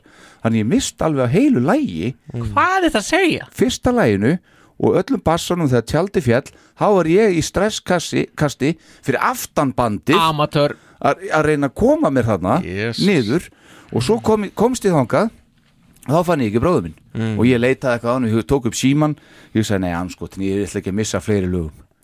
Hann sér þetta bara sem hann er og ég sé þetta bara hér. Mm. og þetta var þannig. Og við vorum ekkert saman á tónleikunum. Hittum svo bara eftir á þetta. Svo, svo er náttúrulega það straka minni eins og þið munni sjálfur eftir þessa tónleika, djöðlar ég ógæðslega þreyttur maður. Já, líka. Ég, ég var alveg búinn sko. og þessar þrumur og eldingar og þessi rigning sem við fengum á okkur og myndin áritaði sem ég fekk af bandinu Já. fekk ég í plastpoka Já, og sjáðu hvernig hún fór úr rigningu Já, já, hún er mitt þetta er náttúrulega neysa en kona mín sagði samt allir, þetta eru minningar Já, ég, er ég, það. ég, ætla að líta á þetta þannig. Þetta var rosalegt maður. Það var bara God of Thunder bara, Heldur þetta var betur, Þetta var, þetta var, já, þetta var svona al ný reynsla að fá bara mígandi rigningu þegar maður lappar út. Þetta var bara skífall sko. Algjört. Já, Schmellinghalle aldrei hann aftur. Max Já. Schmeling Max Schmellinghalle Nei, mér varst þetta nú alveg óþarfi. Já. Varst þetta óþarfi sko að- að Rigningin? Já, demba þessu svona maður var svona að reyna að taka inn hérna síðustu kynstónleikan og svo bara eitthvað ískaldur veruleikin sko Já. en það sem ég finnst alltaf bara í þessu það fyrir alltaf í töðan á mér Mhm. það er alltaf svona er að móka mann, ég skilir maður þetta er náttúrulega liðið að taka til og svona og, Mhm. En þetta er svona út með ykkur. Já, veist, Já, það fer- einmitt. þetta Ég það fer alveg óstjórnlega töðan mér. Veist, það er alveg svona það er búið að sko, þessi tveimur sólarhingum að rigga þessu Já. getur ekki bætt klukkutíma við og leift fólki bara aðeins að anda eftir þetta? Já, bara, bara lefum manna þess að taka þetta inn. Að væri kannski ekki veist, það bara, maður getur bara tekið 10 myndur, 20 myndur lengur bara rétt aðeins að fá að setjast Mhm. það er ekkert allir sem myndir gera það þannig að þú myndir losna við mikið af traffíkinu frá Já, líka þegar já, margir fara strax já, já, já Og svo að ef maður fer aðeins út fyrir maður ekki megi ekki koma aftur inn sko, bara í andirið sko. Mhm. Nei, það er búið að loka Það er búið að loka Já, já. En svo náttúrulega á móti þá náttúrulega er þetta lið sjálfsagt að gera þetta hverju kvöldi sko, Já, ég held að þessi líka bara fegin sko, ok, þessi tónleikar gengur vel, bara út með alla bara af Já. okkar ábyrð núna Já. mm, og veist, þannig að hérna En þetta er bara svo mikið eitthvað moment og mann langar til eitthvað Já, þetta fólk náttúrulega er ekkert Nei, það fattar það Nei, nei, alveg skýtsamu það Já, bara út með bara það, túristi sko. Já, já, já. en, en já, mér fannst þetta Já, þetta var uh, svolítið svona, já, brattur endir Já, myndi ég segja Mm. ha, En himnað, ég leitt svo að himnadnir grétu með Já, já heldur betur þessu, sko. Vá. En þú veist, eh, tónleikana voru mjög góðir og Já, eins og ég sagði hérna góðir. Sagði hérna uh, eftir þá á Facebook ekstar að hérna bara kissa aldrei eru betri. En sko þú veist, ég er ekki endilega miða á við sko þegar þeir eru sínum hátindi þetta er svona meira bara svona þú veist, Þetta band. Já, þetta, band, og það sem ég hef séð bara eigin augum þetta var, þú veist, og enn og aftur Örvar Bessarsson kom inn á þetta í, í hérna, sínum pislega náðan Mm. enn og aftur er uh, Gene að sína bara hversu góður hljóðfæraleikar hann er Mm. Já, já alveg eins og ég talaði um eftir Amsterdam tólingana, hann er aldrei að stytta sér leið Mm. gerir alltaf tíu meira, sko. og aðeins meira, Mm. nákvæmlega Mm. Pól var bara fín örugleika playback, ekki hugmyndu þetta bara svínvirkaði Það skiptir ykkur hvað er ykkur playbacki sem er auðvitað er, er fullt af einhverju playbacki Mhm. og við, maður veit það alveg Mhm. og það bara skiptir engum máli Mhm. það er öllum sama, það var öllum sama sem voru á þessum Já, mér sýndist það sem skemmta sér ágætlega, 12.000 sko. manns bara var ekki, já, ég tók ekki eftir neinu sem var eitthvað, er þetta playback? Já, Já, einmitt Nei, ég, ég stend ekki fyrir svo Ég er farin sko. Ég er farin Eða að skella aðeins bara rétt byrjunin í Svo náttúrulega bjórin og brattústið maður Djöfell var gott að geta. Fyrir tónleikana Já. Þá, ég borðaði nefnilega ekki vegna þess að ég var svo svakalega spenntu fyrir meeting greetmyndinu Mm. ég hafði ekki list á því að borða Nei. Ég á Jói klikkuðum En kebabið var fínt eftir Já, vissulega, vissulega. Já, Hvað ætlar að lega okkar að heyra sér Ef starf ekki bara rétt byrjunin á þessu Það var svona skemmtilegt sko. Já. Ég held, held ég sé með þetta hérna. Þessum tónleikum? Já, sjálfsögum sko. Síðan ég mista af þarna í byrjunni Já, þetta er byrjunin En það er, ég teka fram svona Ef, ef það fer aðeins inn í lagið Já. veist, ef, við- ef við hlustum aðeins inn í lagið Aðeins hérna, ég var að taka nokkra myndir og þá klippist á Já, já. Þannig að bara, já. Já,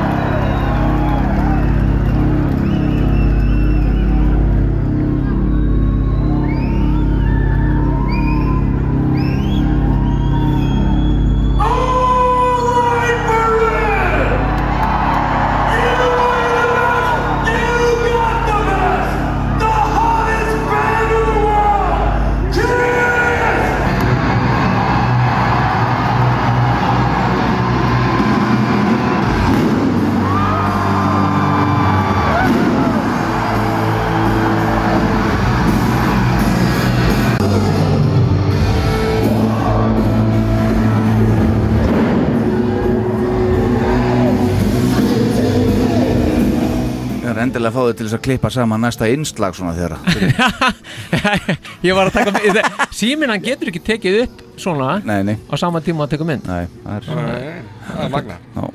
Það er, þið verður að tala um Samsung um þetta. Já, við er verðum að spila hljóðið þetta Já, já. En, Já. hérna, en, en gaman eiga þetta. Þarna einmitt ég hlustaði á þessa byrjun og hérna, Orlight Berlin og allt þetta sko, og ég hugsaði bara, þarna er ég á bakvið sviðið, það er hægt að lappa á bakvið það minni og maður er ekki backstage samt en það er að lappa á bakvið það Já, já þarna var ég hlaupandi fram og tilbaka á sama tíma en að finna bara hverju ég ætti að koma inn á þessa bjöfitas þetta svæði sem ég valdi mér Sem þú varst á Já En hvar voru þið á þessu tólingum? Við vorum aftarlega bara við hliðin á í rauninni mix, mixefnum sko. Já, já, já, bara það sem að Pól kemur fljúandi svo? Já. Hægra með við það dótt Já, ok Þar Þannig að voru- þið voru nálatunum þar Mm. Já, já, bara voru við Það var bara bara hérna rétt hjá sko. Já, gáðum bara high five. Já, já, bara Palli maður, mættur aftur. hann sagði, Gatinn. enn einu sinni þú þarna. Já, við lærðum þetta frá hvað, London eða Manchester eitthvað. Þá plöntuðum við okkur þarna.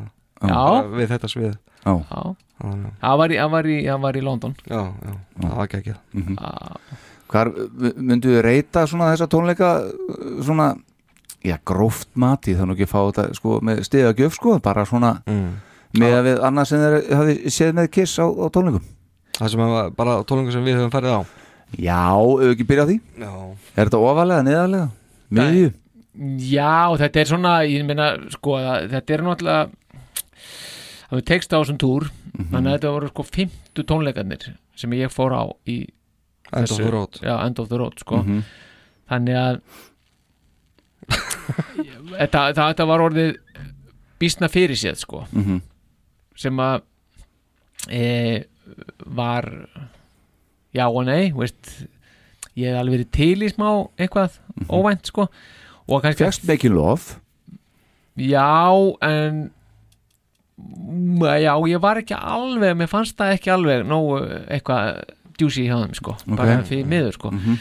um, en, en þetta var svona já, þetta var svona endurtekið efni fannst mér svolítið frá Amsterdam.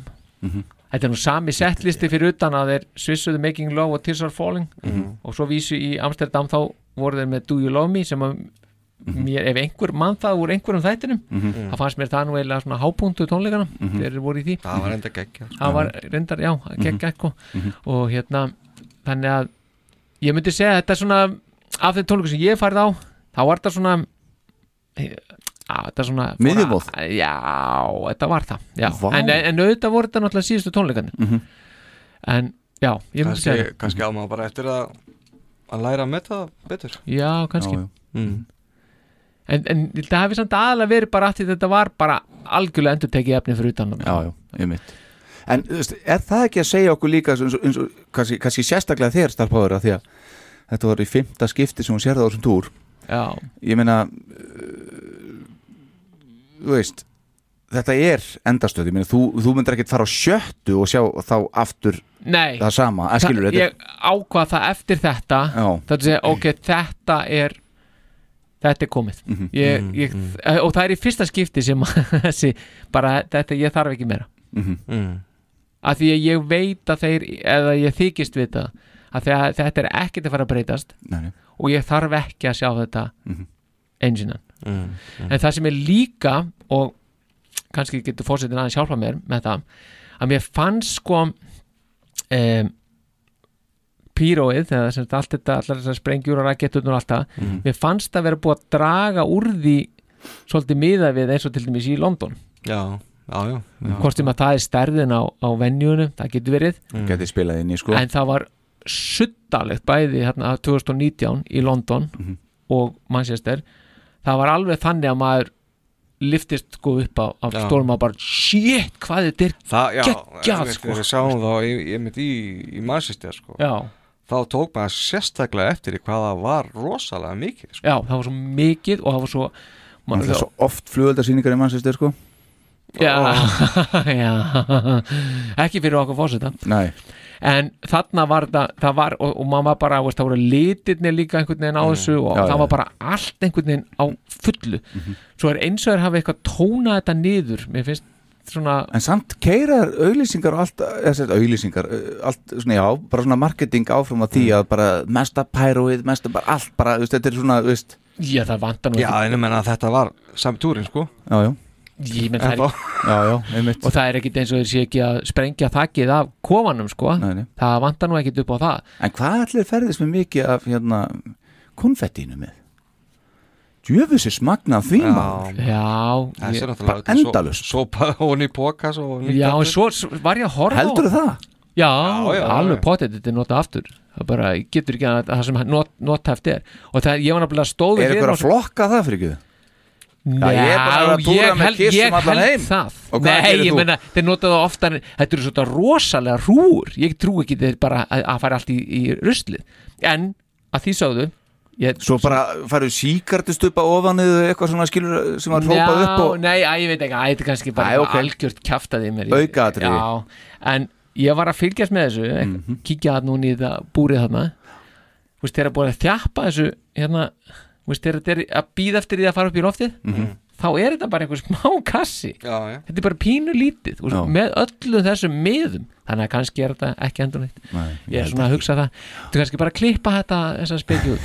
Það var alveg fáranlega heimskulegt. Alveg úr hófi heimskulegt en allt er leið. Píroflokkarinn Já, píró Nei, hérna konfettiflokkarinn hjá hérna Kiss. Æ, já, já, stundum má maður bara halda sér saman sko. En aldrei get ég náði þessar blöðru sem Nei. Nei, ég hef aldrei snert það Nei, ég, ég- Jú, ég náði nú alveg Ná, sner, Ég hef ekki náða að snerta berja þér í helvíti, burtu, sko. Ég hefði En var fólk að hýrða það? Gripið hana strax sko Og bara farið með í handvörgum bara Já, já, já. Við erum bara keift tvö aukasæti hjá Nei, Æslandir Það hleypir á úr þessu drengur Hvað er þetta?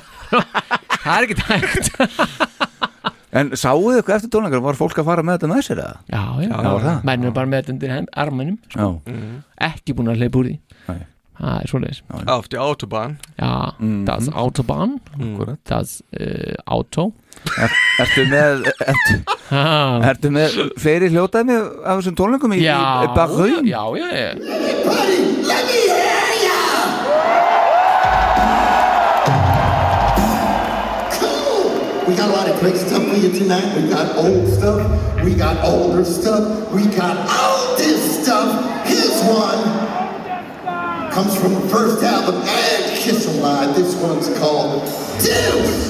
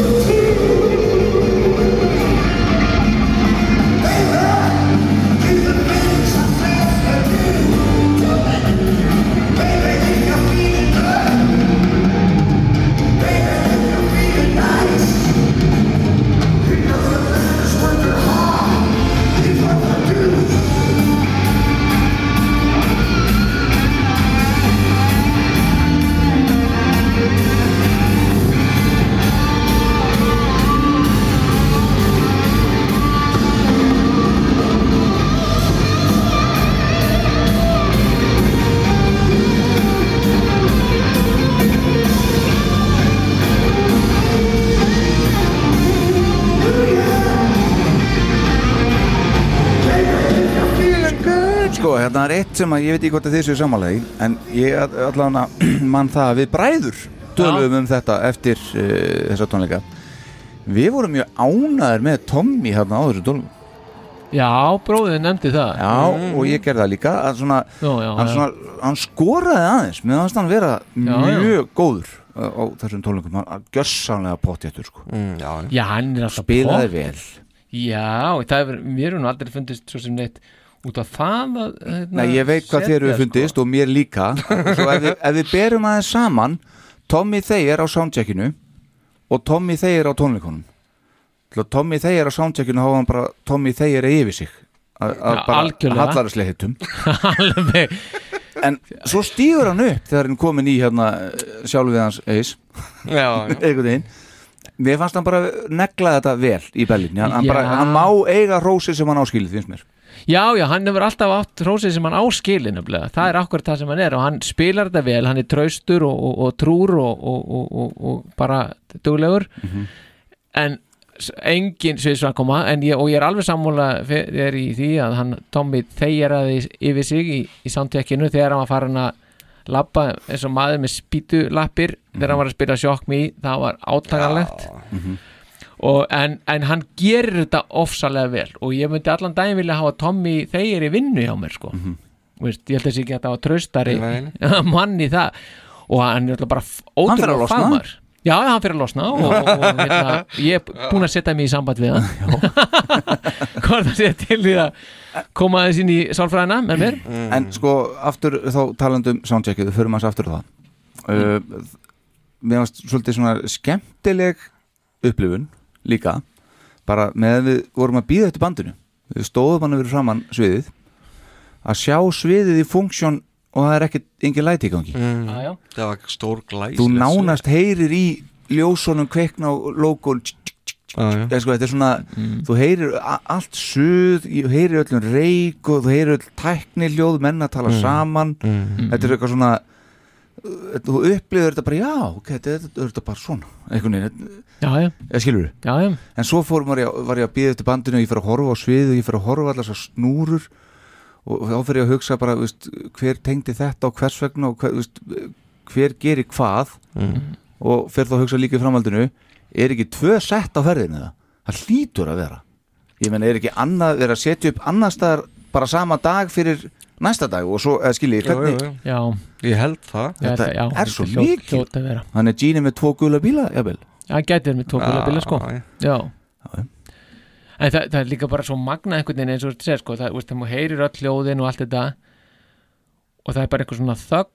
Já, Það, það er Það er svo ró. eft, eftirvænting maður. Einmitt. Já, Og bara, svo, fuck. Og svo bara svo bara allt í einu þá sérði einn eins og þegar Gene kom á gula bílnum bara, hana, veist, allt innu bara Gene fyrir fram mig og, þetta er svo órumurlegt eitthvað. Já, já. Já, þetta er þannig en svo bara allt einu er orðið bara geggjaðar háaði og geggjaðar sprengingar og geggjaðar af þessu og geggjaðar hinnu og þetta er náttúrulega svona beauty náttúrulega bara við tónlist almennt, þú ert bara með eitthvað þögn svo bara allt einu þá bara dum, komið tónlist. Einmitt en svo það er er maður að horfa á sviði maður að horfa all smáatriðin maður að horfa hvað er búið að merkja þú veist, hvað menn er að standa þú veist, maður tók eftir þessum göttum framan á sviðinu Akkurat. öllum uh, slöngunum, snákonum og bara öllu sem Mm. mm. einhvern veginn, þú ert ekkert að spá í einhvern veginn þegar- Nei, þú, nei. þú spáðu bara í heildina, hún er geggjuð Já. en þarna er maður að spá í hvert andrið fyrir sig Já, já, já, já. bara þegar púsli einhvern veginn gengur upp Já, já, já og svo er þetta kannski ekki alveg allt þegar það komið svona í mikla nálægt og kannski lúkar þetta ekki allt alveg hund, alveg jafn Nei, nei. 150% eins og það er veist, þegar þetta er orðið komið allt í, í hérna, full, full gýr sko Einmitt. og full hérna aksjón sko Akkurat. og svo er alltaf svona höll sko, maður horfði bara, ok, þetta er ekki starra en svo fólki þegar það er komið inn það stækkar höllina Já, já. þá bara, bara ha, var þetta svona stórt á það Mm. já, já, það, það, einmitt, það, það, þetta, þetta, þetta eru rosa töfrar sem er einhvern veginn í þessu öllu Já. saman sem er svo áhugavert og skemmtilegt að, hérna, Mhm. að velta fyrir sér og, og bara veist, horfa á og upplifa. Já. þannig að, já sammála. þekkið eitthvað sem er að fara á Madsson Square Garden, einhverju íslendikar sem þið veitum um? Nei. Ég er nú, að, ég er nú reyndar búin að vera að taka eftir því að, að, að sko það er nú hægt að fá miðagreinlega á eitthvað aðeins viðránlegra verði heldur en við vorum að sjá hérna Já. tölvum síðast. 50-60 skall eitthvað. Já, þú veist. Hvað er það upp í Já, bara, Já, já, Bara upp í gattavinnum bara. Já, en, en þú náður að upplifa síðast tólinguna Já, já, er það er þetta Er þetta að setja 60 skall í það? Já Þetta spáði að taka sjöundu, nei sjöttu. Enda endur sko Ég get kannski komið inn sem, sem konfetti hreinsari. Getur ekki gert vinnuferð úr þessu taka atvinnu viðtal við Tommy hana Já, það geti verið. Jó, hreinsa konfetti, tekið atvinnum Já, fara með, fara með umsóknuna fyrir Rock'n Brews og tala- Já, já, það. Það er bilað að gera hjá Er þér Það, já. Já. Ég líti að fá styrk frá podcastinu. Já. Já, já. sko. Erðu við bara lænum þessu. Það er ekki spurning sko. Nei, nei, Það er ekki spurning. Það er ekki spurningin. Nei, nei, en hérna, mér langaði samt aðeins til þess að því að að því að maður á svona orðin smá feril, fjögur ára feril í þessu Mhm. þá, bara, hérna Í, í hverju þá já, nákvæmlega? í þessum túr sko Já, já, já of Tour uh, já, das túr Mhm. og, og hérna, það er bara gaman að bera saman settlista sem hafa verið sko í gegnum þess að hérna, þessi fjögur ár Já. á þessum tónleikum sem maður hefur verið á og þetta er bara Jack set engin breyting heldur síðan frá 2019 sko. Nei. það er eina lægið sko árið 2019 eða breyta aðeins röðinni Mhm. á lögunum en þetta er þetta með sko þetta Making Love, Tears Are Falling sem er, voru að mixa hérna Já. þeir voru með Let Me Go Rock'n'Roll Mhm. sem inn í þessu slotti Það á að vera Já, já, það á náttúrulega á alltaf að vera en það er eina breytingin Mhm. og svo bara aðeins búið að hræra upp sko miðju listanum, mm -hmm. miðjun í listanum Mhm. en, en, en endirinn og að, það, þann er eins upp, upp að fyrstu þrjú laun eru það sama Mhm. og nei, mér finnst það bara mér finnst Þetta það svo þú ert búin að vera fjögur ára að þessu Já, ég, er bara svo ofta að hugsa um sko, veist, ert ekki bara orðin leiður á þessu sko, veist, Mhm. hvernig ég bara skil ekki hvernig þetta er hægt Mhm. Veist, þó þú sért með allt þetta krát og allt þetta spennu og allt þessa aðteglu þetta, þetta hlýtur samt að venjast sko, maður, á einhverju tíðanbúti þá ertu bara, þau eru búin að vera í 50 ári þessu þá hlýtur að vera orðin taldi vanur í að spila fyrir framann taldi slatta og fáta alltaf aðtegli sko. Já það finnst mér þetta svolítið sérstætt og það er, er reyndar alveg að sama með hérna, setu, nei, hérna uh, soundtekið, sko Þeir eru búin að vera þar alveg á milli þar svolítið Er það? Já, já, við erum búin að taka hana Going Blind og Þeir tóku Going Blind Hjá okkur, Já. það var rétt Já, já, svo er þið bara Þetta er þessi fjögur, fimm lög Þetta er, sko. Já, svo er það Hotter Than Hell og þeir tóku Going Blind, Hotter Than Hell Got to Got to Choose Choose og Parasite Parasite Rétt, og, og Shock Me Og Shock Me. Shock, já. Já, og þeir hérna, já, ég meina já, þetta er mjög gaman að fá Shock Me Já. það var svona, já, ok Já, já. En hitt er svona, veist, þeir eru var plastikast, þeir var ekki? Nei, já, Plastic Gaster að vera að taka. Þeir, Það var ekki okkur. Já, það var ekki okkur, nei, en svona, veist, það var svona það, lagi, sko. að munaði einum, sko, Já. að það kæmi. Veist, Já. ef þeir hefðu droppað einhverjum hinnum þá Ég reynda að Plastic bjóst við fleiri lögum, sko. Já, ekki meir en fimm lögum. Já, Já, nei, nei. Ég, ég, maður getur þakkað fyrir að hafa fengið fimm en ekki fjögur, sko. Já, já. Ég leitt svolítið á þannig, sko. En hvernig fannst ykkur svo Q&A þannig eftir? Það var náttúrulega Já, pínu Já, ok, já, það. Pínum í setna eitthvað Fannst þér ekki það? Jú. Og nú spyr ég bara, hver fekk uh, eða hver ákvað það, hver fekk að spyrja?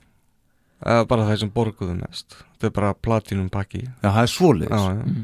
Þannig að þú borgar einhvern heilan helling og En svo það- bara en- kemur með eitthvað fáránlega spurningu þannig En þú sástu það að þessi menn sem voru að spyrja þeir voru sko það sem að teknumirinnir eru. Já, einmitt. Fyrir Einn alltaf, einn alltaf fyrir okkur Fyrir manstu? framan okkur? Já, já. Alveg óþrólandi Bara fyrir ekki eftir að fara frá fánanum. Já.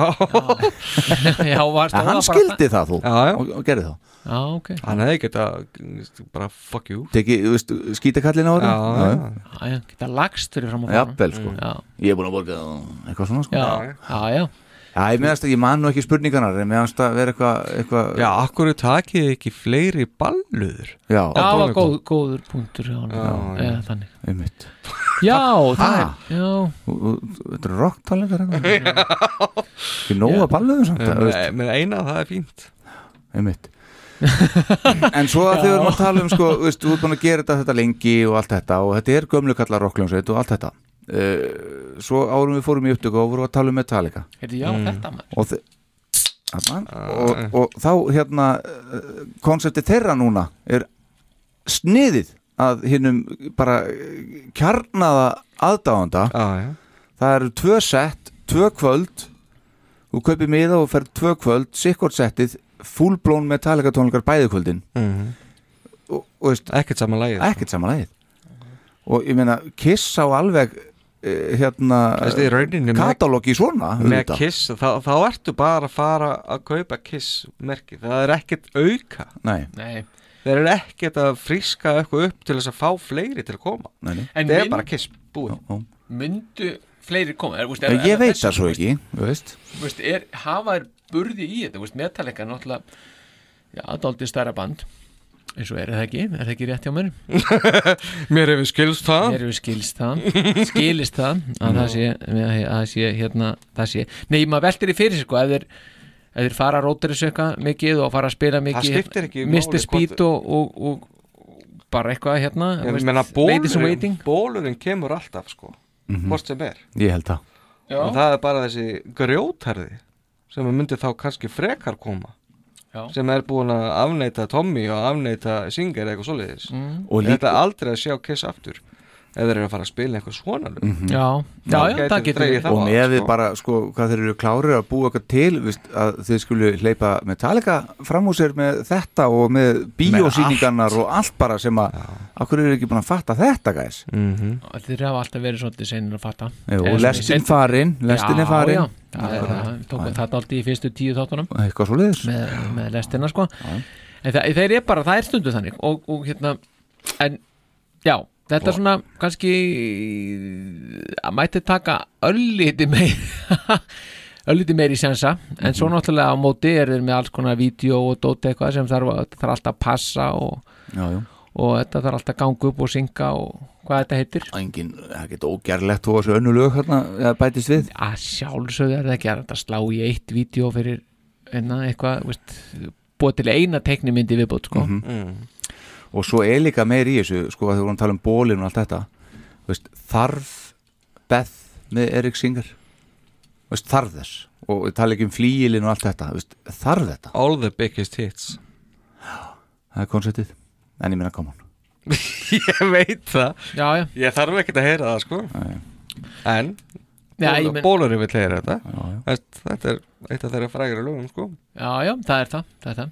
En auðvitað var þetta samt voru þetta frábæri tónleikar veist, Já, þetta er allt saman óbáslega velgjart þetta er fagmannlegt, veist, þetta, er, þetta er keirt áfram þetta er stuð, góð stemning Mhm. veist, það er ekkert að setja út á þetta nema bara uh, þegar maður kemur í fimmtasinn sko, sem Mhm. maður getur bara kent sér sjálf sem sjálfum líka sko. hvað er þetta að fara þarna fimm sinnum veist, farðu bara einu sinn og þegiðu sko. Veist, að því fyrstu tónleikarnir fyrstu tvenni tónleikarnir voru geggjaðir Já. geggjaðir Já. og þá spyr ég bara fórsetið til að byrja þér Mm. Uh, í, prósentum talið líkunar á því þú farir aftur á kistónleika eru? Null Star Power? Það sagði reyndilegur í fyrra. Og stóðst ekki við Mm. nei, nei, það er, það er null Eh, nema náttúrulega kannski komið góðu dýlla á Madison Square Garden. Já. Þú ert búin að fara þangað sko. Já, ég búin, já, en, en ekki aldrei á síðustu tónleikana sko. ég hef ekki farið það á Jú, fáan jú, þú fórst að síðust tónlingunni fyrra Líka. Já, reyndar, já. Já, en ekki allra Já, síðustu tónleikana. nei, nei, ég hef ekki gert það. Nei, nei. Jó, ef, já, hvað er þetta að tala um þetta Nei, núna? ég bara spyr. Ekki að fara að æsa mig upp í þetta? Ég veit það ekki. Ég ætla að segja þessu Ég ætla að segja þessu 5% líkur að ég fari aftur. Mm. Er þetta að fá með það? Já, það er hægt. Á annarkvöldið, eða setna kvöldið? Uh, Mér skilst það, jú. Já, það er alltaf verið að setja eitthvað svona á sölu sko. Já, já. Á einhverju síðum og þetta. Er það einhver Jói Jóns og svo sér maður aldrei miðan þessi, Jú, jú, ég veit ekkert um það. En sko en, Dálítið atriði svo. Já, það er pínu atriði. En uh, sko Þessi, þessi geðviku prísar voru hérna alveg uppæði þegar geðvikin var sem mest. Þetta var nýbúið tilgeð og var byrjað að selja þetta Mhm. og það var náttúrulega flotti miðar og allt það. Og fólk held að myndi gjössalega missa þessu. Þá svona geðvíkin var þar og þetta háa verð. Mhm. ég er alveg vissum að sé sletta fólki bara sem situr heima með 700 svona miða bara fuck. Já, já. Já, ég, ég væri þannig. Já, já. Þrátt fyrir allt og allt. Og getur fengið núna aðeins herra uppi reyndar þú veist, fyrir 100.000 eða eitthvað og eitt 600 kallinum í eitthvað annað Og sama settið Já, sko. já, sama settið Já. Ekki alveg sama sjónarotið en Já. býstna Mm. einmitt Já, þú skoðar þetta já eða Hefur þetta í bakhöndinni Já, ég veit í Hún er alltaf gaman að, að hérna, bjóða laugu til útlanda Jú, á hún að fara líka Já, er það ekki? Er þetta ekki hjónaferð? Ekkur? Er þetta tveir miðar? Sko. hún getur sér á brottvið þá bara í staðinu Já Já, það var enda geggja þegar ég fór á brott við þarna 2009 sko. Sjá Cats? Nei, ég fór að sjá Abba þarna. Já, alveg rétt. Já, Mm. það var geggja Mhm. Já. 2009 Já, þeir fór, fór já, þetta er svo langt síðan sko. Já, já. Ha. Mörg, mörg, mörg ár. Já, já, já. Herðu pilda mínir, er þetta Boom ekki bara vera næsja okkur? Jó. Ég held það. En sko, það sem við þurfum að gera Já, það, það var ég búin að ákveða. Já Tala í mikrofóninu eða hvað? Já, er í mikrofónin Ég var búin að ákveða það á kom. Nei, að við myndum slúta á Rock'n'Roll Night frá Berlin Ok, og við, og, ég veist að það, er svona, það var svona ákveðin moment mm Mhm. að því að Jói Kiss var með okkur. Mm en byrju, ætlar að kynna lægið eins og ha, Er þetta hluti af kynningunni á læginu? Já, þetta er hluti ekki Ok, þá skulum við bara, ég er með eitt hérna sem ég ætla að enda á en ég kaupi þetta vel, ég ætla bara aðeins að spila hérna örs uh, lítið brot frá soundcheckinu þegar mm. Mm. við fórsettum vorum að syngja hérna Parasite Já, já, já Þetta er svolítið skemmtilegt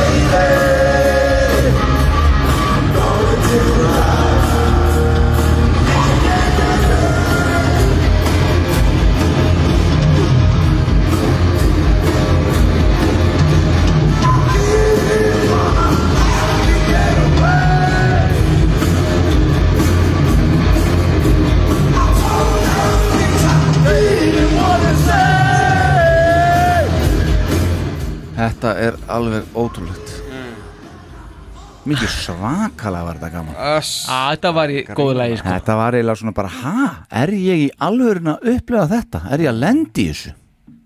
Ha? Stórkostlega Þetta var það, sammála Herðu, ok, þú ætlar að kynna í síðasta lagið en, Já. á, já, en árum við gerum það þá Já. skulum við hérna bara uh, slúta þessu hérna málumni og kannski tala um það að næstu við hittumst þá er það þáttur 84 og þá ætlum við að tala um 1976 Já, 76 Yes. The Spirit of 76 Akkurat, og hérna ég veit að að býða margir mjög spenntir eftir því. Já. það sem ég heyrði um helgina til dæmis. Já, vonandi uh, sefar þessi þáttur einhverjar hérna einhverjar taugar. Urðu við ekki að taka eitt svona, bara svona aðeins já. að- svona, Jó, ég meina það er ekkert þetta ráðast bara eftir margra mánaða sömafrí bara á æðabent í 76 sko. Nei, búin að upplefa þetta allt sem við urðum að koma af okkur einhvern veginn og e- kannski gerum meira svona ef eitthvað stórt gerist eða eitthvað. Já, eftir, veit aldrei. þegar ég kem aftur frá Madison Square Garden Þú náttúrulega verið búin að taka upp uh, Taktu myndavel með þig líka Nú getið tekið upp tónleikana á þess að Tut- köttist á þú.